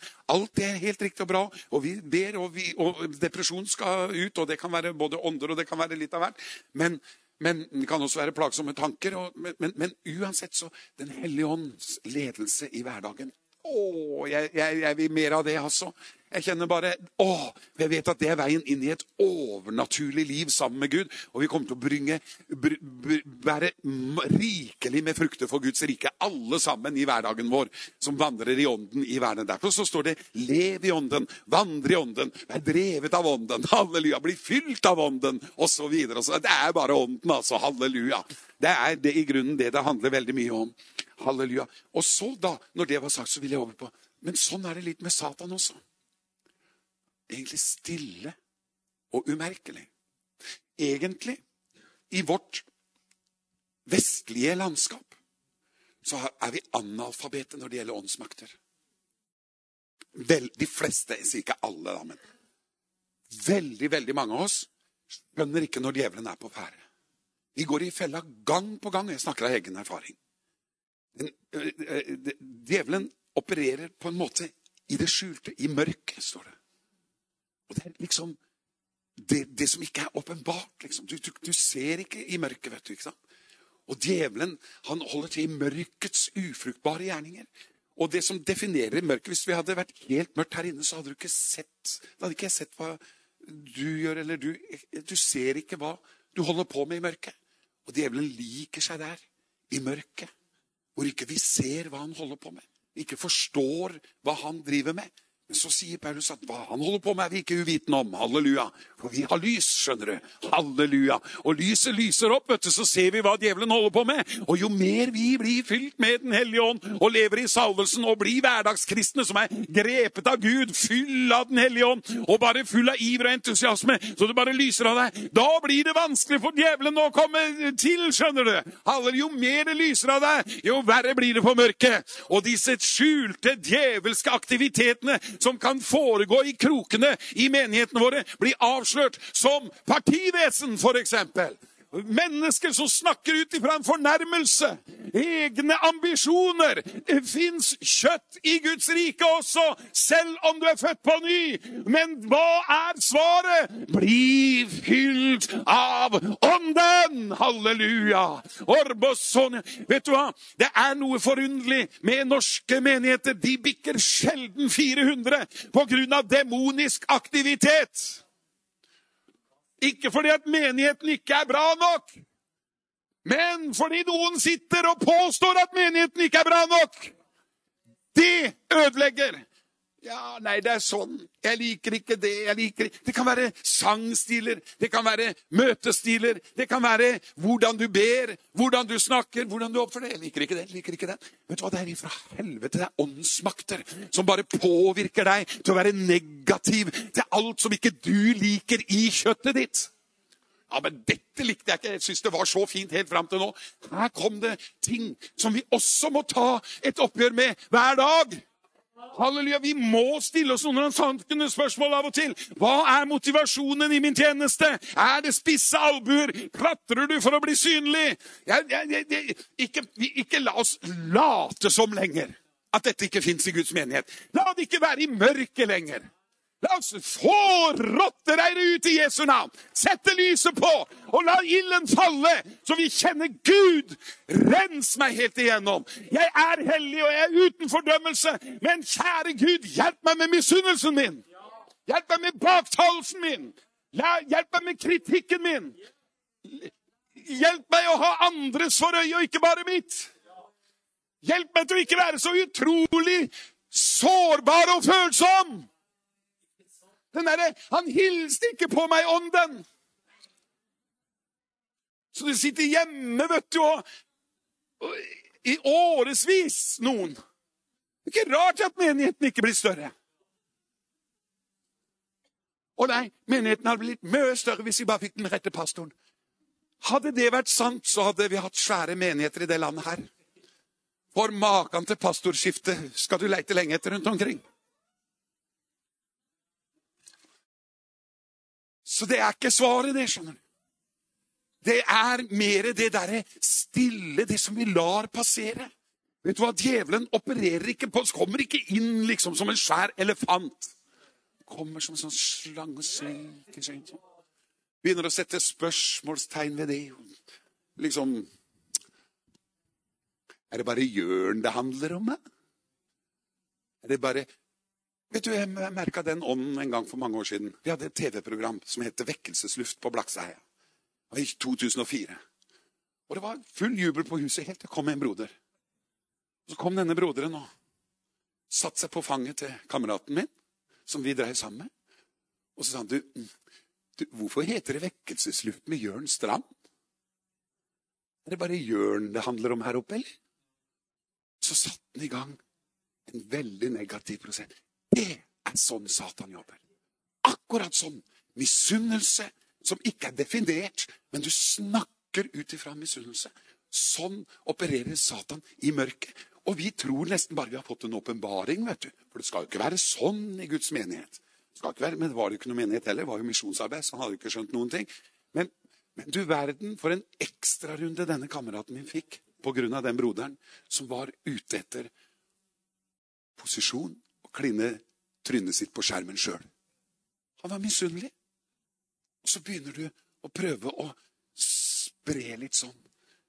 På samme måte som at du merker det nesten ikke sånn, så holder jeg på. Mange ganger i forkledd kritikk. Kritikk kledd som konstruktiv kritikk.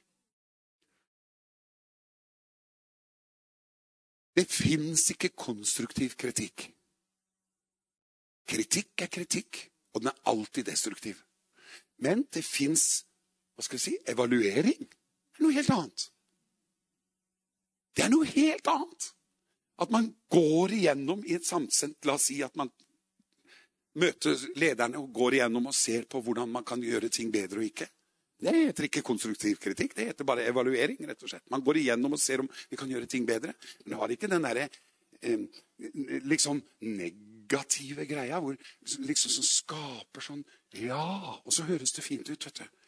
Syns han skulle ikke sagt sånn og skulle ikke vært sånn. Og jeg har møtt mye av det, og noe av det er kanskje til og med sikkert sant. Jeg skulle så ønske mange av disse hadde kommet til meg. Jeg er den siste som får høre hvordan, hva jeg burde forandre på. Da blir jo jeg den siste som får muligheten til å gjøre noe med det. Hvis du snakker til henne om hvordan jeg er, så får ikke jeg noen mulighet til å forandre på meg. Slutt med det! Kom til meg! Hvis du tør! Nei, Jeg tør ikke det til han. Jeg går heller til han der. Han er mye snillere. Nei, men La oss gå i rett med hverandre. La oss absolutt i, Masse av dette tas i forkynnelsen, tror jeg. Ikke på kaffekopper og sånne hemmelige menighetsmøter. Menighetsmøter. Ja. Dere har kanskje ikke møtt sånt her, dere, men jeg kan bare si det at Norge, jeg er som evangelist i Norge nå i ja, jeg tør å si 25 år. Og har sett det meste. Har ligget og sovet på lokaler og hørt hvordan eldstebrødre De har glemt at vi er i lokalet. De har hatt, de har hatt eldstebrødremøte til langt ut på natta, de har skjelt hverandre ut. Enkelte har til og med banna og slengt igjen døra og gått ut. ikke sant? Og det er bare bagateller. Jeg og en kamerat vi, vi holdt på å le oss i hjel. For det var bare sånne små ting de snakka om. Det var så uvesentligheter, men, men, de skrudde seg opp ikke sant, på sånne små ting. Og djevelen er ekspert på å ta små ting til å bli svære ting.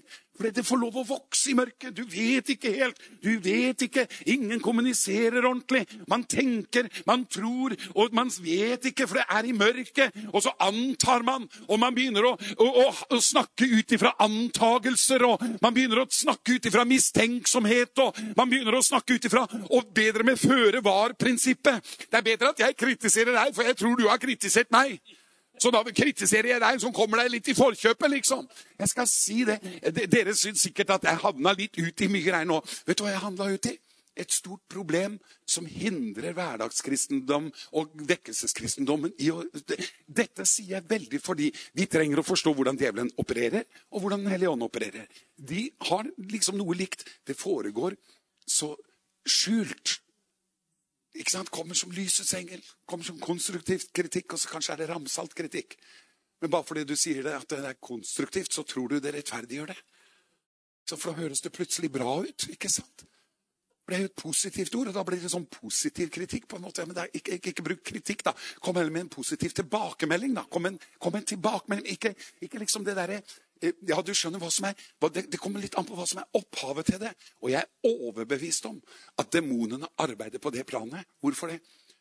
For at menighetene skal få bli små, splitta og bare ligge med hver sin tue og holde på med hver sin greie. Og vi mister noe av slagkraften av å bli store og stå sammen og være en, en, en faktor i bygder og byer rundt omkring. Ikke at vi skal bare være svære for å være store, men du blir liksom litt mer tatt seriøst overfor kommuner og andre hvis det er en, en, en faktor, at menigheten er en, en faktor på en måte som de ikke kan liksom bare si ja, det sitter en liten sekt oppi der, og så har du en liten husgruppe borti der. og eh, liksom, Så sitter vi på hver vår sånn, og så vet du, eh, vi har, eh, jeg, jeg tar litt på det. Er, er det greit, dette i kveld? For, fordi at det, det fins der, men kanskje vi til og med noen ganger syns at dette er litt sånn ting å ikke snakke om. Jeg sier ikke at jeg snakker profetisk her nå, det gjør jeg ikke. Men jeg, jeg, jeg brenner for at Norge, menighetene våre, skal vokse. Og vi må, vi, må, vi må bare finne ut hvor skoen trykker, og hvor den steinen det er oppi der. Og det, det jeg snakker om nå, det er rett og slett bare kjødets gjerninger. Det er bare kjøttet jeg snakker om. Men det er blitt nesten sånn at vi får ikke lov å snakke om kjøttet på menigheten. Vi skal bare snakke om Hellig Ånd. Men, men, men vi må nå Rekk opp hånda, du som er kjøttfri. Ja, det var én her. Nei, nei, skjønner. Stakk. Du skal ikke henge deg ut. Nei, men vi, vi, vi har et kjød alle sammen. Det er bare å bedra seg selv og prøve å si at ikke vi har kjød. Hvorfor er det så vanskelig for oss å snakke om kjødet i, i menigheten uten at det blir liksom sånn forsvars... Og, og liksom Vi vil helst ha en sånn Kom på møte og så bli litt sånn pep talk, liksom. En motivasjonsforkynnelse. 20 minutter, 25 minutter toppen. Ja, tjo, tjo. ja, bli så trykt ned hele uka, så nå skal vi løfte deg, liksom. Ja, jeg har tro på det også. Men sannelig tror jeg vi må forstå hvordan fienden jobber. Med brødre og søstre, falske brødre og søstre. Mennesker med feil holdning, ambisjoner, misunnelse, selvhevdelse. Det fører til splittelse, partier og alt dette andre. Jeg ble ikke lagt merke til. Det er ingen i menigheten som forstår hvor salvet jeg er. Nei, det er fordi at ikke du er salva. Til det du trodde du var salva til. Kanskje bare var et inderlig ønske. Hvordan vet du at du er salvet, da? Folk blir velsigna. Og det blir resultater. Innen rimelighetens tid.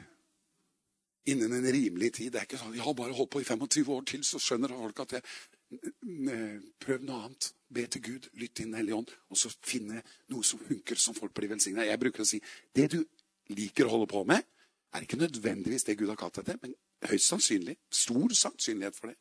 Men det kan også bare være en kjødelig ambisjon. Jeg vil også. Det ser så gøy ut å være pastor. Jeg vil også. Det, det, det er mange lovsangsteam jeg vet om, hvor folk de vil ikke være med i lovsangsteam hvis ikke de kan være lovsangsleder.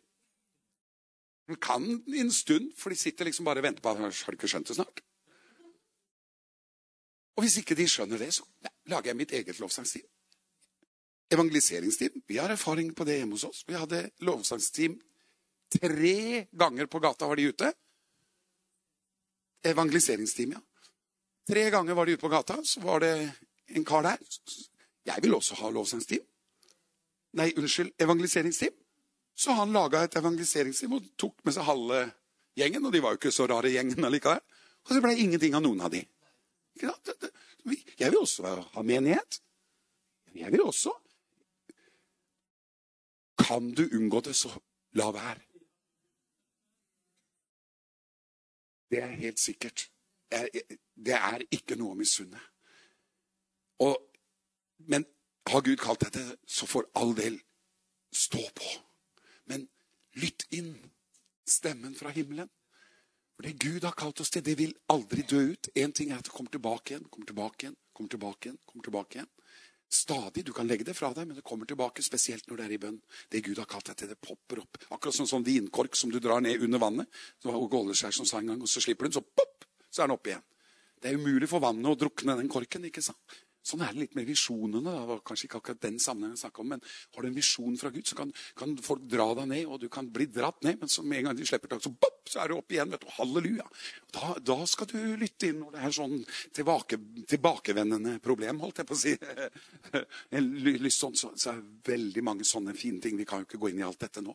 Men det er at Den hellige ånd taler veldig umerkelig, egentlig. Sannelig gjør djevelen det også.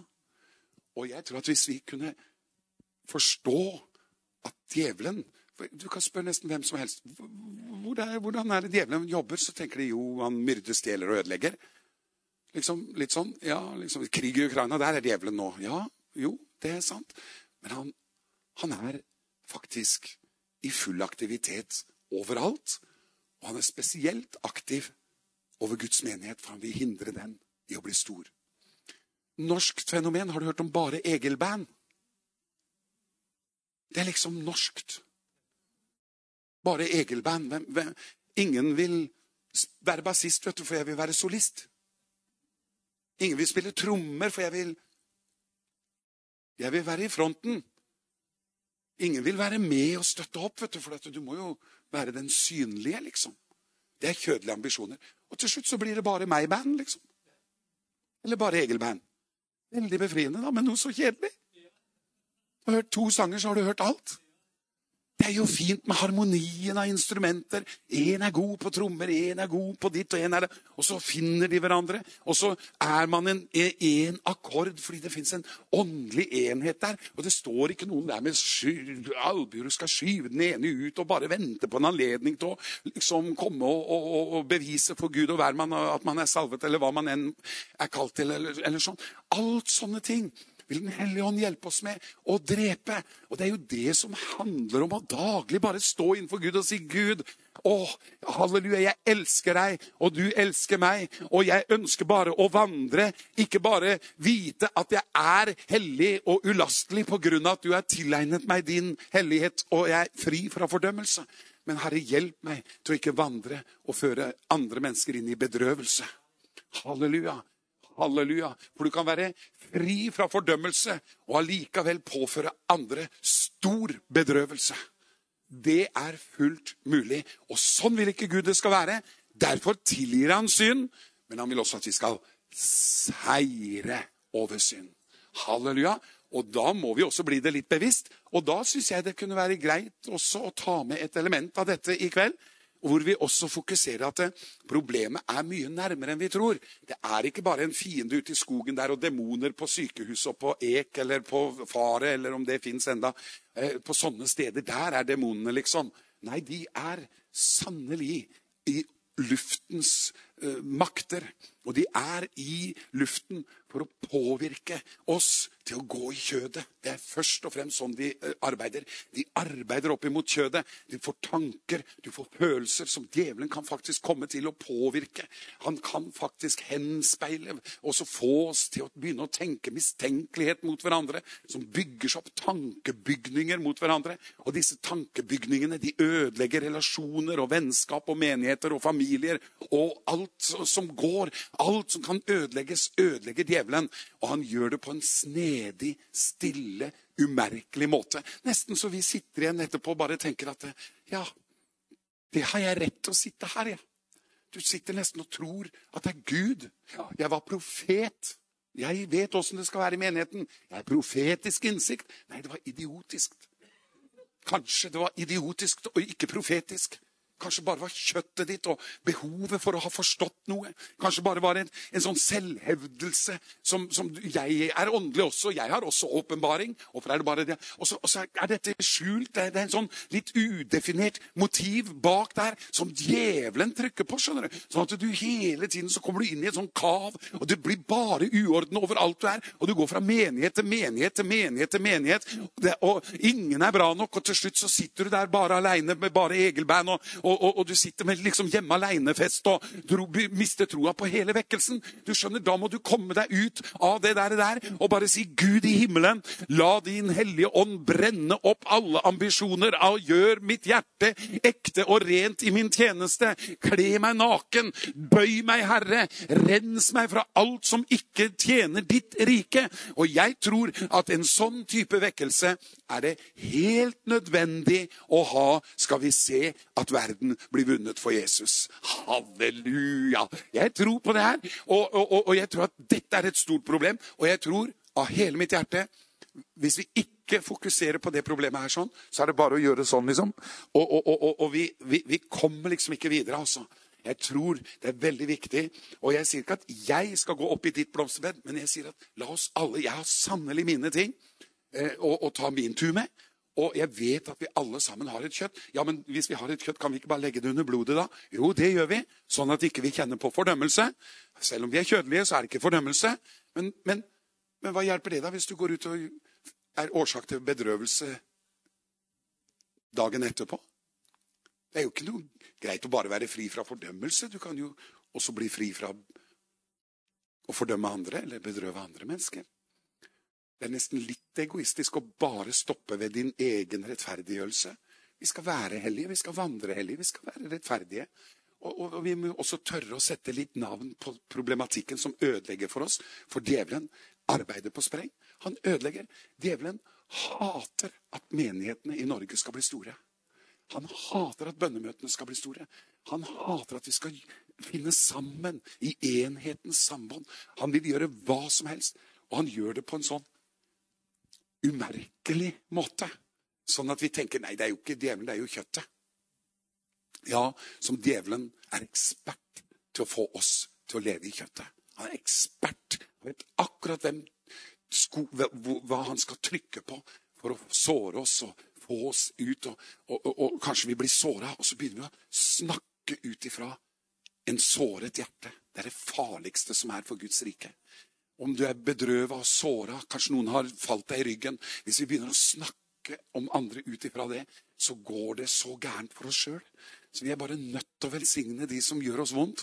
Vi er nødt til å være velsignende til de som er årsak til at du kanskje Ja, kanskje du er årsak til det, eller kanskje du har blitt utsatt for disse tingene. Og jeg tror at denne endetidsvekkelsen kommer til å ha et moment av dette jeg snakker om nå. Hvordan Gud skal klare å få hull på den byllen her, det vet jeg ikke helt. Men jeg vet at det vil skje ved Den hellige ånd, og at noen våger å ta i dette elementet også. Eh, og jeg tror at djevelen har lurt oss til å være redd for ransakende forkynnelse. Fordi han, er, eh, han, han tror at vi, vi, går over i fordømmelse. Så han sier at du må ikke forkynne ransakende, for da blir det fordømmelse. Og det trenger vi ikke, vet du, for Jesus har jo rettferdiggjort oss også. Og så blir det sånne snublesteiner som gjør at fienden kan være i mørket fremdeles. Så vi ser ikke helt hva han holder på med, før vi bare setter litt lyset på det. Og i kveld så, så gjorde jeg det på, på, en del av disse helt normale tingene. Som misunnelse. Ikke, ikke bevisst misunnelse, for den tar du gjerne, men, men litt sånn ubevisst. Kanskje kanskje på arbeidsplassen at noen fikk en jobb som du syns kanskje du skulle ha. Du fortjente den bedre, liksom.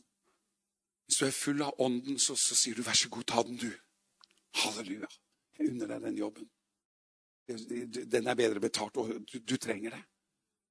Jeg tror sann åndelighet er at hvis det er et valg hvor du kan velge, så lar du andre velge først.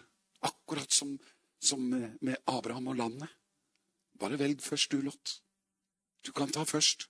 Han visste jo at det var grønt der nede. Vær så god, Lot. Og Lodd tok jo det grønne. vet du. Han ble ikke jeg tenkte meg det, at du tok det. Ja, typisk deg. Har av bestefaren din og ligger i slekta. Det var ikke noe sånn, vet du. Ja, men gå, du. Og så bare, Det, det er noe med det å, å, å, unne andre det du selv har lyst på. ikke sant? Og, så være, og da er vi over i, i en type seier som er helt fantastisk. Og som kommer til å bringe så velsignelse å, kjære Gud! Og da er det jo ikke bare nødt til å være rettferdig, men vi skal, også, vi, vi skal være rettferdige, selv om vi er tilegnet rettferdige. ikke sant? Og når vi vandrer i det her, jeg er overbevist om at Guds rike kommer til å vokse noe voldsomt. Se ikke på andre mennesker som en trussel på din posisjon og begynne å oppføre deg dårlig mot dem fordi du kanskje føler at de puster deg litt i nakken. Hvis noen vil ha din posisjon, så men ta den! Vær så god! Hvis noen vil ha ungen, hvem er mora? Jo, det er den som Ikke, ikke, ikke Ta, ta den, du! Det der, det er motivet. Det er hjertet dypere, det er dypere enn alt dette. Jeg skal si deg, Når var det Sakkeus fikk møte Jesus? Det var når han klatra nedover. Sakkeus kom ned. For i dag vil jeg gjeste ditt hus. Jeg har fått erfare disse tingene så sjøl også. Når vi klatrer nedover, så får vi møte Jesus. skjønner du. Han elsker det som ikke er noe. Og jo mindre du er, jo bedre er det. For han bruker det som ingenting er. Og når du er et null, da er det bra. Ingen vil jo være et null. Men når du er et null, da er du brukende. Som Ludvig Carlsen sa. Vet du hva som skjer når du er et null? Da kommer Jesus, vet du. Og han er eneren, er han ikke det?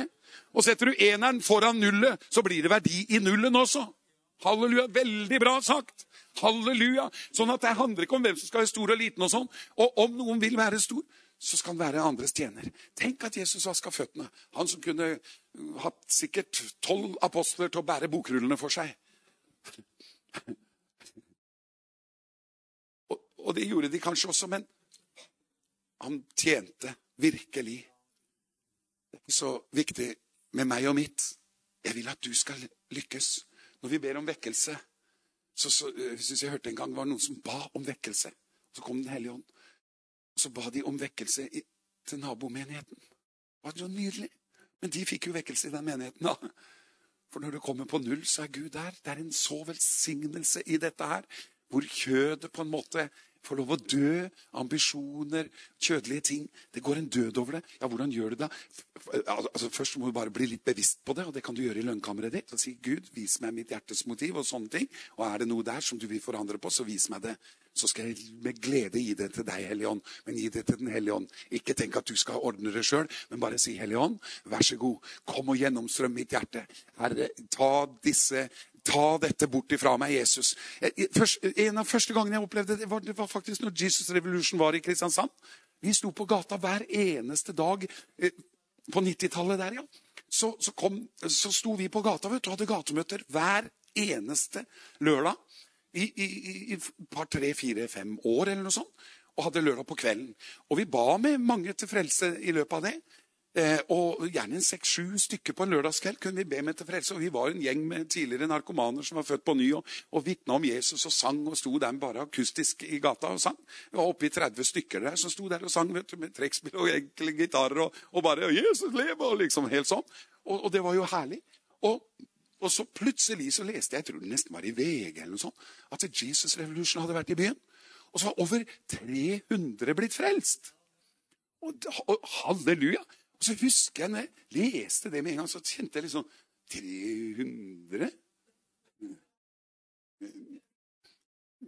Blir de skikkelig frelst, liksom? Hvem, hvem eh, har de oppfølging? Liksom. Hvem følger opp dem, da? liksom? Mange vet du, du sier at så og så mange har blitt frelst. Det første du spør om, blir de fulgt opp? Kan du ikke først glede deg over at de er frelst? Og så kan vi snakke om oppfølging etterpå. Det er, det er, det, du, du, skjønner, Hjertene våre avslører oss bare vi åpner munnen. vet du, Så vi bør av og til tie. Det skulle jo jeg virkelig lært av. Halleluja. Men helt ærlig, jeg kjente at det, der og da så, så kjente jeg Hva slags holdning er det her? Jeg gikk bare ned på kne og sa, 'Gud, tilgi meg.' Jeg er jo misunnelig. Jeg snakker ut ifra misunnelse. Tenk at 300 er blitt frelst, sa jeg. Tenk hvor mange lørdager du har spart oss for, Herre. Halleluja! Og så bare tok jeg et oppgjør med den der følelsen. Gikk ikke ut og begynte å kritisere og snakke ned. vet du, Det hadde gått rett utover min nyfrelsthetsglede der. Og så bare velsigna vi det. Og istedenfor å liksom kritisere det, så var jeg en av de første som var på For det var det en Stefan Salmosen tror jeg den gangen, som skulle ha oppfølgingsmøte i Philadelphia. Og jeg var der, halleluja, og, og fikk lov å ta del i det og se dette flotte som har skjedd. Og det er så viktig at vi kan glede oss i hverandres tjenester. Og se at wow, det du og Gud har gitt deg, og, og, og, og løfte det og, anerkjenne det og, ønske det velkomment. Og jeg tror menighetene våre kommer til å vokses og eksplodere og blomstre i sånne miljøer hvor vi setter hverandre høyest og setter den andre høyere enn deg selv og vasker føttene til hverandre på en sånn og kjenner bare at det, nei, det er ingenting som skal komme inn i mitt hjerte og ødelegge Guds menighet. Så Guds menighet ligger der som en sånn partert eh, lik, liksom. Som er, som, som er, liksom partert. Det ligger en arm der og en finger oppi der, og en sitter der oppe fornærma, og en er såra og har ti kniver i ryggen der og vil aldri gå på møte igjen fordi han ble behandla dårlig. Ja, men kanskje du er blitt behandla dårlig, men velsign de som behandla deg dårlig. Jeg vet hva jeg snakker om! Vi må bare be og velsigne og be at Vet du, det, Siste tingen. Det var en, en eh, Jeg leste en bok som het 'Bønnekjempen', hvis noen har lest den av Reece Howell. Den er så radikal at jeg, jeg holdt på å legge den vekk flere ganger. Det handler om at Den hellige ånd får innta deg fullstendig helt i alle kamre, og at du blir prøvd på det. Og Han hadde den innstillingen at hvis du driver en menighet i en by, og det kommer noen andre og driver menigheten, så skal du tre til side. Så skal du bare velsigne deg. Halleluja. Han hadde en menighet som blomstra som bare det. Og så var det en annen en som, eh, som var en veldig flott forkynner der. Og, og, menigheten begynte å si til han at du er en flott forkynner, men du burde begynne for deg sjøl. For så lenge du står under han, så vil aldri din tjeneste blomstre. Der har du Satan, lysets engel. Skjønner du? du, du, du men hvis du starter for deg sjøl, så kommer det til å bli så bra. Det kommer til å vokse. For du, er en Guds mann. vet Du Du har noe veldig dyrebart. Og det er jo sant. ikke sant? Han snakker jo sant. ikke sant? Og det, det var noe dyrebart der. Og så kjente han Reece Howell at nå skal du gi fra deg pastoren, stillingen, til ham. For ellers eh, Ellers så kommer han til å ødelegge seg, seg selv og sin tjeneste. Han visste Den hellige ånd bare avslørte dette. Så han, for at ikke denne pastoren skulle bli ødelagt i sin tjeneste. Ikke for at menigheten først, men for han. Hvis han hadde gjort det, så visste han at da vil ikke denne Dette vil få så alvorlige konsekvenser for tjenesten til denne mannen. Så, så du må gi ham denne. Det er den eneste måten å unngå splittelse på. Det er at du gir fra deg pastorstillingen. Så han trakk seg tilbake og, og fikk beskjed av Den hellige ånd å be for den. Og han gjorde det. Det kosta han. Men, og, og, han ba la det lykkes bedre under hans talestol enn min. Og han ydmyka seg så fullstendig at du kjenner det er jo så urettferdig, og så, du føler deg så Men Satan arbeider akkurat i sånne områder som det. Akkurat sånn kommer han. Og så blir det sånne uh, konstruktive splittelser og alt dette her. Men all splittelse er bare Den som ikke samler, han sprer. Hvis resultatet er spredning, så er det, er det, i utgangspunktet ikke Gud. Hvis ikke det har vært en, en, en, enighet som Paulus og han andre som ble enige om å gå hver sin vei. og Det var jo et hardt ordskifte der også, til og med, men, men, men det, det, gikk bra med dem begge to, faktisk. Så, så det kan skje. Men da er det en, kommunikasjon der. Men dette, Så han gjorde det og tredde til side. Og han gikk jo inn i bare en enda rikere og sterkere tjeneste med Gud, hvis du kan kalle det det, med, med sterkere helligåndsnærvær i møtene osv. Den hellige ånd trives der han får lov å skape hellighet. Får Den hellige ånd lov å skape hellighet i våre hjerter, så sier han wow, her har jeg mye å gjøre. Her trives jeg. Tenk at her er ikke jeg arbeidsledig. Her finner jeg et hjerte som er villig til å bøye seg. Her finner jeg et hjerte som er villig til å la meg invadere hver eneste krok i hjertet. Oi, her vil jeg være. Her har jeg en jobb å gjøre. Men hvis han ikke får lov til å gjøre det, hva skal han være deretter da? Ikke rart vi utslokker ånden og får ikke lov å gjøre noen ting. Vi forsvarer, forsvarer alle våre feil og nederlag, og vi bare forsvarer alt og, og alle andres skyld. og sånn. Ja, Hva er Den hellige ånd skal gjøre der, da? Være med på å forsvare kjøttet vårt? Aldri. Han ved ånden dreper vi kjødet, står det. Halleluja. Så ånden har som oppgave å drukne kjøttet. Og hvis du føler ikke du klarer det, så må vi bare gjøre en rå viljesbestemmelse av og til. Herre, jeg velger å velsigne den som har gjort meg vondt. Hvis noen har såret deg, eller et eller annet annet, kanskje stjålet fra deg, eller, eller lurt deg i forretningslivet, eller i, i, familielivet, arven som kanskje ble helt eh, Du må velsigne, og bare si takk, Gud, la den arven vokse i, i dens hender. I Jesu navn. La det bli dobbelt så mye. La han, halleluja, forøkte Herre. Amen. Vet du hva? Jeg, kan, jeg vet, og vi har Bibelen, og vi kjenner alle sammen, vi vet at Gud kommer til å ta vare på oss hvis vi gjør sånn. Tror du ikke det? Skal vi si et amen til slutt? Selv om Halleluja. Og dette er en seier som, som Gud vil vi alle kan, skal leve i. Selv om han har seiret over alle demonene på korset, så må vi faktisk hoppe opp i seierstoget og så stå den onde imot. Og det er sånn at Når vi står djevelen imot, så skal han fly fra oss. Og Det er ikke bare en sånn djevel ute i skauen der over fyrsten over Grenland, liksom et eller annet sted. Der er du diffus. Nei, ta heller det derre Hva i all verden slags tankebygninger har du fått opp i mitt hjerte, Satan? Ikke tale om om jeg skal være Hvis du sliter med f.eks. hele tiden å, ha en mening om alt og alle, så bare sier vi til Jesus Jesus, hjelp meg til å ikke ha en mening om alt og alle. Herre, hjelp meg å ha en mening med mine meninger. Halleluja. Halleluja. Amen. Halleluja. Hvorfor skal vi alltid mene noe om annet enn å mene noe om våre meninger? eller? Halleluja. Og så tar vi denne flisen og så går vi inn i det. Og så sier noen ja, men da går du over i fordømmelse. Nei, du kommer ut i befrielse. Du kommer ut i velsignelse. Du kommer ut i en salvelse. Jeg er overbevist om at den eneste veien inn i gjennombruddssalvelsen er gjennom bøyde hjerter som lever med Gud. Ikke ut ifra pliktløp og fordømmelse, men over en oversvømmelse og en invadering og si bare Hellige ånd, ransak meg, kjenn mitt hjertes motiver, og finner du noe jeg må forandre på, så vær så snill og vis meg det. Og så tar du det inn for Herren, og så sier du, Hellige ånd, invader hver en krok, halleluja. Og da sier han, ja, det skal jeg gjøre, Jørn. Blubb, blubb, blubb, blubb, blubb, sier den gamle frikeren, og blubb, blubb, blubb, sier kjøttet. Kjøttet har levende vannskrekk. Halleluja. Alt kjød hater vann. Det kan ikke svømme i levende vann. Kjødet overlever ikke Den hellige ånds fylde. Det, det dreper kjødet. Det drukner kjødet. Akkurat som i Noas tid. Hva var det som tok ondskapen på Noas tid? Jo, det var vannflommen. Alt kjød. Jeg har satt meg fore å gjøre ende på alt kjød. Og det gikk i vannflommen. Og som det var på Noas tid, sånn skal det være når menneskesønnen kommer. Hvordan da? I de siste dager vil jeg utøse min ånd over alt kjød. Hvorfor det? Det, sånn at alt kjød blir som gress og visner. Halleluja! Sånn at Jesus vinner skikkelse i oss, og vi blir en bolig for Gud i ånden. Og da kan vi gjøre Jesu gjerninger, dere. Halleluja! Jeg tror på dette her av hele mitt hjerte. Oi, oi, oi, oi, oi. Og det er ikke noe særlig behagelig å snakke om alt dette kjødelige greiene. Jeg vet det, og jeg bruker ikke altfor mye tid på det, men samtidig så er det der på lur. La oss vandre varlige. Ikke i natten, men i dagen. I lyset. Halleluja, vi lar bare Den hellige ånd lyse i vår hjerte. Vi, vi, må synge oss litt ut av dette møtet i kveld. Kan vi ikke det, dere? Å, la oss prise seiersherren fra korset. Og han, han, han, å, han, han, han lar oss seire, vet dere. Og det, og det er veldig sterkt.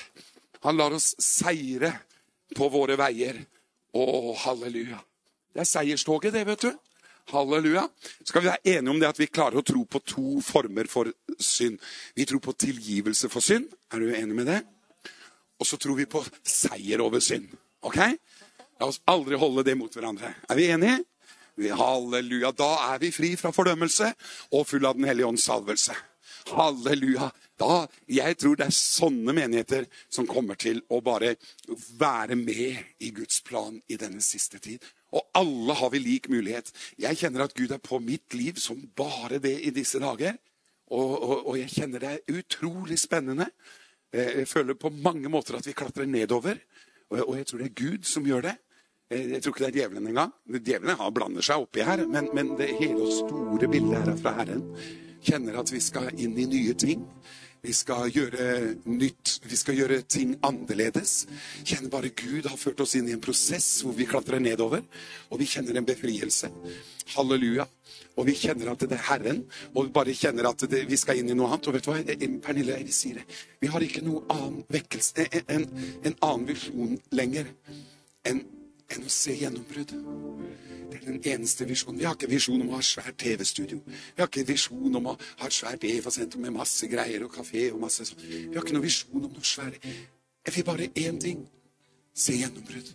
vekkelse ved Den hellige ånd. Vi må se denne hverdagskristendommen forløst i eget liv. Så vi har bestemt oss for det. Det er vår visjon.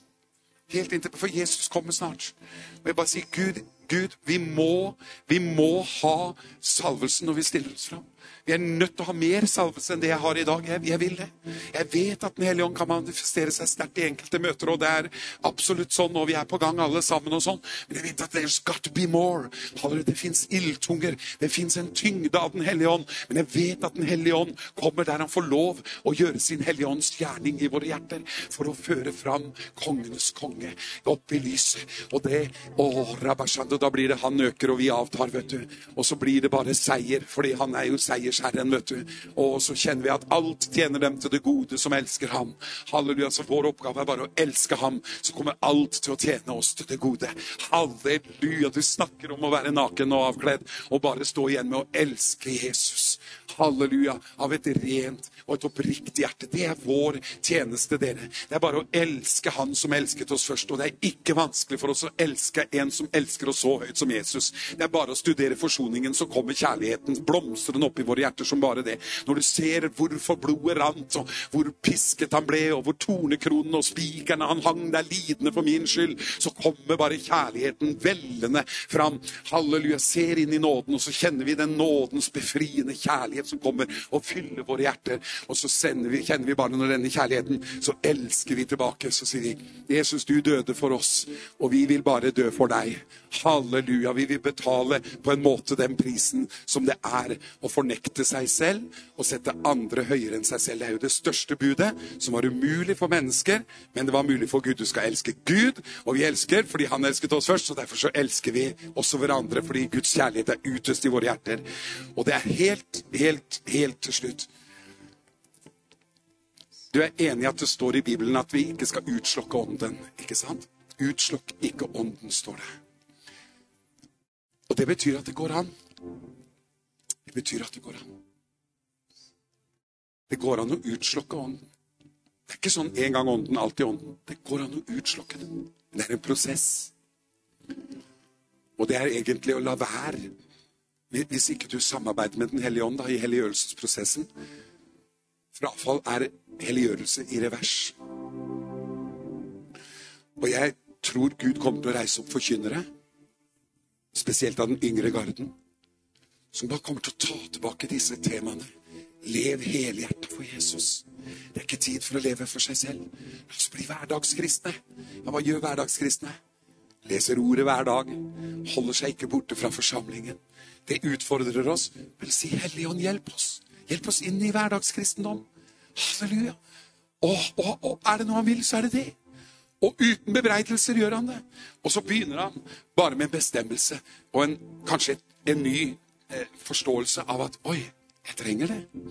For det står at ikke vi skal utslå konten, og da går det an. Da er det mulig. Da må vi stille oss et ransakende spørsmål. Er det noe som har utslokka min ånd? Og én ting er sikkert. Å sette seg selv foran alle andre, eller berike seg på andre, eller tråkke på andre, såre andre, leve ut ifra den selviske naturen. Ingen skal fortelle meg at ikke det utslukker ånden. Det gjør det. Griskhet, misunnelse, selvhevdelse, stolthet. Alt dette her er et veldig dårlig vekstmiljø for Den hellige ånd. Hvis ikke du gir det til han og sier 'Herre, ta det alt sammen'. Du skal få lov, men, men vær så snill, ta én ting av gangen. da, Hvis det er alt sammen på en gang, så må du ta én ting. Og så tar han og dealer med oss i lønnkammeret vårt, og så ber vi til vi kjenner at vi er frie, og bare bøyer oss, Herre. Kanskje du er misunnelig på noen, så sier du 'Gud, velsign dem'. Tilgi meg at jeg kunne ha sånne misunnelsestanker. Og jeg skal være helt ærlig. Dette var i 1993, tror jeg, eller noe sånt. Dette med den. Og det kan jeg si at Ingen skal beskylde meg for å være misunnelig. Jeg tror jeg ble løst fra det der den dagen. Det, har med hånda på hjertet ikke vært misunnelig på noen. Det er ikke akkurat det jeg sliter med der. nå. Der er jeg fri. Det vil jeg våge å si. Og det er så deilig. Men jeg tror at hadde jeg ikke tatt et oppgjør med det der, så tror jeg så sannelig at misunnelsen kunne fått et feste i mitt hjerte. Og det hadde gått så utover min tjeneste. Men jeg og Pernille vi er sånn, hører vi om at noen står i vekkelse. Gjør noen det bedre enn oss? Vi har bare bestemt oss. Vi skal fryde oss i deres tjeneste. Og det er ikke vanskelig. Det er så lett. For det er jo samme arbeidsgiveren. Halleluja. Går det bra i den menigheten, så halleluja. Det er jo samme arbeidsgiveren. Halleluja. Det er bare forskjellige avdelinger. Vi jobber på samme laget. Og så heier vi på hverandre. Oppmuntrer hverandre har gode tanker om hverandre, og så bare elsker vi hverandre. Og så sier vi Hellige Ånd, du er utøst i mitt hjerte, så jeg har det jeg trenger for å elske hvem som helst. Halleluja. Det er der. Det er på plass. Det er bare snakk om å la Den hellige ånd få lov å la det begynne å flyte. Så kjenner du å, der er det ja. Ja visst, jeg kjenner jo det. Men du må liksom bare være villig til å gi slipp på noen sånne ting som ubevisste ting. Jeg tror det er skjulte ting vi snakker om. Vi snakker ikke om pornografi og, og alkohol og snubling i rus. Og jeg snakker ikke om disse bevisste tingene som er helt åpenbart er synd. Så for det, det, det kjenner du. Men, men disse tingene tingene som misunnelse, selvhevdelse og sånn. Det er sånne skjulte, umerkelige ting som djevelen jobber i det stille, i mørket. Og så tillater vi oss Det er mer sånne tillatelige ting som, som er litt skjult for oss, helt til vi kanskje kommer under en forkynnelse som i kveld og sier sannelig. Jeg trenger seier på et eller annet område. Og så sier du, Herre, i kveld så bare tar jeg en ny bestemmelse på å fortsette mitt løp. Jeg skal fullføre løpet mitt. Og du skal få lov og hellige meg helt igjennom. Du skal få gjennomsyre hvert en krok og krik av mitt hjerte. Og du skal få lov å gjennomsyre så kjøttet bare drukner, sånn at du bare står igjen i salvelsen som bryter åket til Satan. Og vi kan formidle himmelen til våre omgivelser i Jesu navn. Jeg tror på en sånn type vekkelse av hele mitt hjerte. Jeg er litt lei meg for at det er ikke alle som tror på sånn type vekkelse, men, men alle er velkommen til å ta del i den. Halleluja. Og den kommer til å skje på blodets grunn. Halleluja. Fri fra fordømmelse. Gud elsker oss nøyaktig der vi er. Men han ønsker bare at ikke vi skal være selvskadere. At vi skader hverandre. Selvskading. Den ene legeme slår den andre. liksom Øyet Knyttneven slår deg i huet. liksom. Vi, vi må ikke gjøre sånn. Vi, vi må ikke skade hverandre. Vi må, vi må, bare elske hverandre. Uansett om ikke vi helt Kanskje du har noen spasmer i den ene armen og ikke er helt enig i alt som skjer, så må vi bare, bare Kanskje har litt sånn tics, vet du, men du kan bli løst i Jesu navn fra det òg, vet du. Men eh, liksom, plutselig sparker du til noen. Oi sann, ikke sant? Så, så, det går jo an å ha noen sånne forstyrrelser i kroppen, men, men, Gud er god. Men la oss ikke liksom jors på, i hvert fall. Og, og, og, og, såre oss og holde på med hverandre. La oss, å, jeg må bare takke deg, Jesus. Himmelske Far, jeg takker deg for denne lørdagskvelden. Som ble litt annerledes enn kanskje jeg tenkte, men håper den ble som du ville, Gud. Takk for det at du fører oss med i ditt seierstog. Du vil at vi skal være helhjertet, overgitte, fulle av begeistring, fulle av glede, som vi hørte om så fint i begynnelsen. Gleden, frelsesfryden, Herre. Den gleden som kommer fordi du er i hjertet vårt, Hellige Ånd, og bare flyter ut ifra vårt hjerte, som bare er på plass med deg, som er justert, som er villig til å la seg justere, Herre. Halleluja. Takk, Herre. Vi, vi kommer til å bli gamle eh, og, og, fremdeles kjenne at det er ting som vi skal justere, Herre. Det er hele tiden noe. Men Herre, juster det sånn at salvelsen øker, Herre. Halleluja. La det bli sterkere og sterkere rundt oss, Herre. Så du kan bli synlig for mennesker. Så du kan gjøre dine planer igjennom oss, Herre. Halleluja. Du vil virke igjennom oss, Herre. Du ønsker å bruke oss alle sammen, Herre. Halleluja. Vi takker deg, for vi er dine tjenere og tjenerinner alle sammen, Herre. Å, Herre, vi ønsker det maksimale ut av det vi gjør for deg, Herre. Takk, Herre, at du vil bare reise opp en bønnens ånd i våre hjerter på nytt og på nytt og på nytt, Herre. Og vi bare gir oss tilbake, Herre. Men takk at du setter en retning i denne endetiden, Herre. Herre, vi takker deg og tror at du kommer til å reise opp en hel skare med kristne som bare sier, Gud, her er jeg. Send meg. Jeg er villig til å, som er bare villig til å legge sitt liv ned for dine føtter. For den som legger det ned, vil finne det, Herre. Å, Herre, det beste livet er når vi legger legger ned vårt liv, så får vi ditt liv, Herre. Det er det vi vil ha nå, Herre. Takk at du reiser opp mennesker som kommer til å bare legge ned sine liv og gå inn til din trone og bare rive himmelens rike til seg på nytt igjen, Herre. Herre, du skal skape et miljø. Ber om at det blir et sånt miljø her på troens liv, Herre. På nytt igjen, Herre. På nytt igjen, Herre. En ny tro på vekkelse og gjennombrudd. Halleluja, på salvelse så mektig og sterk. La det brenne, Herre. La ilden falle, Herre. Og vi vet at når vi legger legger kjøttet på alteret, Herre, så kommer ilden, Herre. Vi vet det så inderlig godt, Herre. La den forkynnelsen lyde i landet vårt på nytt, med visdom, med troverdighet, med gjennombrudd, Herre. Å, Herre, Herre, vi trenger at du frelser mennesker der ute. At de vil høre på oss. At de vil komme til oss. Å, Herre, vi vet at en by som ligger på et fjell, kan ikke skjules, Herre. La oss bli som denne byen som lyser opp, Herre. Å, så hele Skien og Grenland kan bare se. Kom, la oss gå opp til Sions berg. Halleluja. Kom, la oss gå til troens liv i kveld. Der virker Jesus med sin mirakelkraft. Der er det hjelp å få. Der er Den hellige ånd utøst over mennesker som søker Herren. Og bøyer seg og bare sier, 'Gud, jeg vil fullføre løpet mitt'. Tror du er her i kveld og trenger å si til Gud, 'Gud, jeg vil fullføre løpet mitt'. Kanskje du har kjent litt på at du har kommet liksom på bakpå på troen, liksom. Glad i Jesus. Du, du elsker Jesus. Og, og jeg, jeg, jeg, tror at du er litt sånn ubevisste ting som vi har snakka om i kveld. Ikke sånne bevisste synder, men mer dette skjulte mørket som bare har kommet som et sånn belegg over gleden din. Et belegg over entusiasmen din. Et slags belegg liksom over, over kjærligheten til både Gud og mennesker. Og, Kanskje, kanskje, du er blitt komfortabel i, i, i, i denne verdens materialisme og, og, det den har å by på. Kanskje du eh, liksom har slått deg nesten begynt å slå, slå deg til ro der og, og, tenke at det er det Gud har for deg, og, og, at det er et behagelig liv. Og det kan det være. Kjødet kan trives òg, det trenger ikke bare være elendighet. Og, så blir det materialisme. Det blir liksom Det, det, blir, det blir ikke det blir noe som forsvinner, nemlig åndens glede, entusiasmen, den helhjertaheten, den inderligheten. Den derre Du kan ikke la være eh, alt dette her. Hvis det er i ferd med å liksom slukne, så vil jeg bare si det. Vær så snill, gå inn i lønnkammeret ditt i kveld og si, Gud, la ilden falle over hjertet mitt på nytt igjen. Sånn at du får denne første kjærligheten. For hvis du lever for lenge uten den, så er jeg redd han kan flytte lysestaken. Og det sier han ikke til synagogen, men han sier det til menigheten. Han sier hvis ikke du omvender deg, så vil jeg flytte lysestaken. Det betyr du kan komme ut av det kallet Gud har for deg. Det betyr ikke at ikke du er frelst, men det betyr at du kommer ikke inn i det Gud har for deg. Hvis ikke vi er vare på hva Gud vil forandre på i denne menigheten så, så, så, fikk de skryt over at de gjorde så mye. De var trofaste.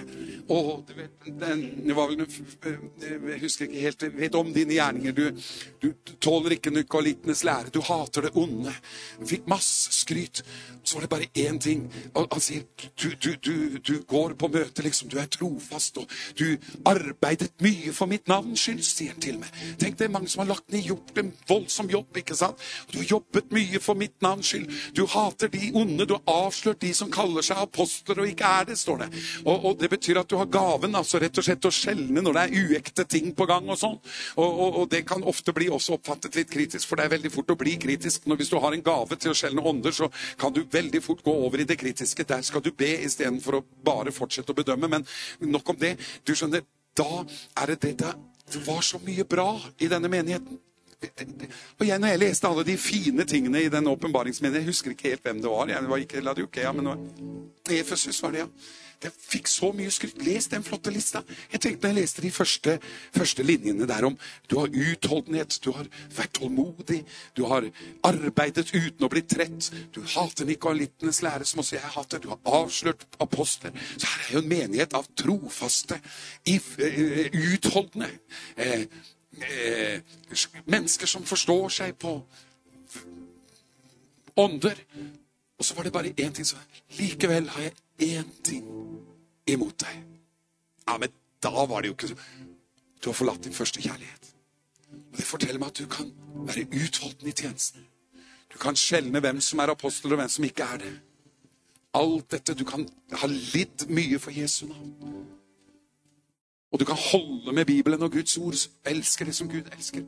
Alt dette er jo kjempebra. Jeg ville sagt oi, dette er en bra kristen. Det er jo lista på en veldig bra i våre øyne kristen. Så var det bare én ting. At forlatt denne første kjærligheten. Se på deg, kom derfor i hu hva du har falt ifra. Og så sier han omvend dere, eller omvend deg, og gjør de første gjerninger. Men hvis ikke, så kommer jeg brått over deg og vil flytte din lysestake bort fra ditt sted. Hvis du ikke omvender deg. Og disse lysestakene er menighetene. menighetene. Skriv til menighetene i Asia. Så dette er en av menighetene i Asia. Det er ikke, opp, ikke synagogen, så dette er ikke noe med loven å gjøre. Omvendelsesforkynnelse hører hjemme i menighetene i Efesus, Efeserbrevet. Til og med Efeserbrevet. Og at du leser så sterke åpenbaringer. Allikevel, sa Gud, omvend. Ta, ta vare på den første kjærlighet. Så for meg har dette blitt veldig, veldig alvorlig. Jeg vil ha den første kjærligheten, så kan du si så får du det. Jeg tror det handler om å være villig til å bare si Gud. I surrender. Virkelig. Litt sånn bevissthet på det. Ikke hver dag, hele året, hele tiden sånn, men at det elementet er med oss i vår, vårt arbeid for Jesus. Av og til må vi inn der og justere. Og da kan det være nok i en lov, lovsang. At vi hengir oss bare beundrer Jesus og sier takk. Takk for at du ga oss alt. Og i kjølvannet av denne åpenbaringen så sier vi 'Jeg vil gi deg alt'. Halleluja, vi elsker tilbake fordi han elsker oss. ikke sant? Dette er en deilig harmoni i dette budskapet som jeg elsker av hele mitt hjerte. Og jeg har sagt til Jesus, kjære Gud, la meg få lov å være med på det du gjør. Og er det ting i mitt liv som må forandres, vær så snill, Gud, vis meg det, og hjelp meg med det, sånn at jeg kan komme ut i den fulle planen som du har for mitt liv. Jeg håper du er av samme ulla. Jeg tror det. Halleluja. Kanskje du er på plass og har det fint, og sånn, så da er det veldig bra. Fortsett med det, min venn. Keep on the good work. Halleluja. Stå på. Vi er Løftene for oss. Alt er, det er så tilgjengelig, alt sammen. Og det er et privilegium, det vi snakker om i kveld. Vi er på seierslaget, så det kommer tøffe tak. Onde ting kan skje. Men gjennom alt har vi seier ved Han som elsker oss. Halleluja. Takker deg for denne menighet og alle som er på besøk her. Priser deg for oss alle sammen at denne kvelden så har du minnet oss om noen grunnsannheter. Og jeg tror at du vil ha tilbake en sånn type hverdagskristendom som vi har snakket om i kveld. Halleluja. Halleluja. Du vil bare føre det tilbake inn i din menighet i dette landet vårt, Herre. For Norge trenger å bli frelst, Herre. Og vi trenger å se at folk blir frelst hver dag. Halleluja. Halleluja, Jesus. Så jeg priser deg for troens liv. Du beskytter dem, og du har beskyttet dem gjennom mange ting. Kanskje gjennom sånne ting som er blitt beskrevet i, i dag, har vært en del av deres historie. Jeg vil jo tro det. Halleluja. Sånne ting som Herre, men du har bevart dem. Jeg takker deg for troens liv står her. Halleluja. Igjennom alle ting, Herre. Har du bare holdt din hånd over og beskyttet, Herre. Og du kommer til å fullføre dine planer, Gud. Du kommer til å gjennomføre dine planer så lenge vi bare sier God, we are stick to your plans. Halleluja. Vi er limt til bordet, Herre. Halleluja. Vi er bare, vi er bare trollbundet av deg. Vi er bundet til kallet, Herre. Kanskje av og til har vi kanskje begynt å lure og tenkt og, og vurdert, Herre, men så takker vi deg. Det er bare noe på innsiden, denne proppen, Herre, som blitt kanskje dratt ned, men som bare popper opp igjen gang på gang, Herre. Å, Herre, jeg ber at du styrker alle som har et kall her inne i kveld, Herre. Takk at du har lagt et kall ned i den enkelte, Herre. Herre, jeg ber også at du lærer oss å skjelne hva som er kall, og hva som ikke er kallet, Herre. At vi også kan si, Herre, jeg vil ikke gå inn i noe du ikke har kalt meg til. Hjelp meg, Herre, og vis meg hva Han har kalt deg til. Halleluja. Orbandoni eller chandoni. Og Han vil fylle oss med all sin herlighet. Han vil reise opp et folk i denne tiden som lever innvidd og overgitt til Jesus. Det har han vært på leting etter i lange, lange tider. Men han kommer til å reise opp mennesker som finner sammen i det her. Han kommer til, Det blir ikke bare én profet oppi der og én borti der. Men jeg tror noe av det vi har snakket om i kveld, kommer en, en enhet på det her. At man blir enig i det at jo da, det er dette, det er her skoen trykker. Det er dette som gjør at steinen og ikke dette blir så vanskelig. Og så kommer det, og så omfavner vi en type forkynnelse som går litt i rette med oss, og som hjelper oss så ånden får blomstre ut og gjøre det han er kalt til å gjøre i våre skrøpelige, på en måte, legemer. I vår svakhet så er Den hellige ånd oss hjelp. Halleluja. Takk, Jesus, for denne kvelden. Og så priser vi deg. Halleluja.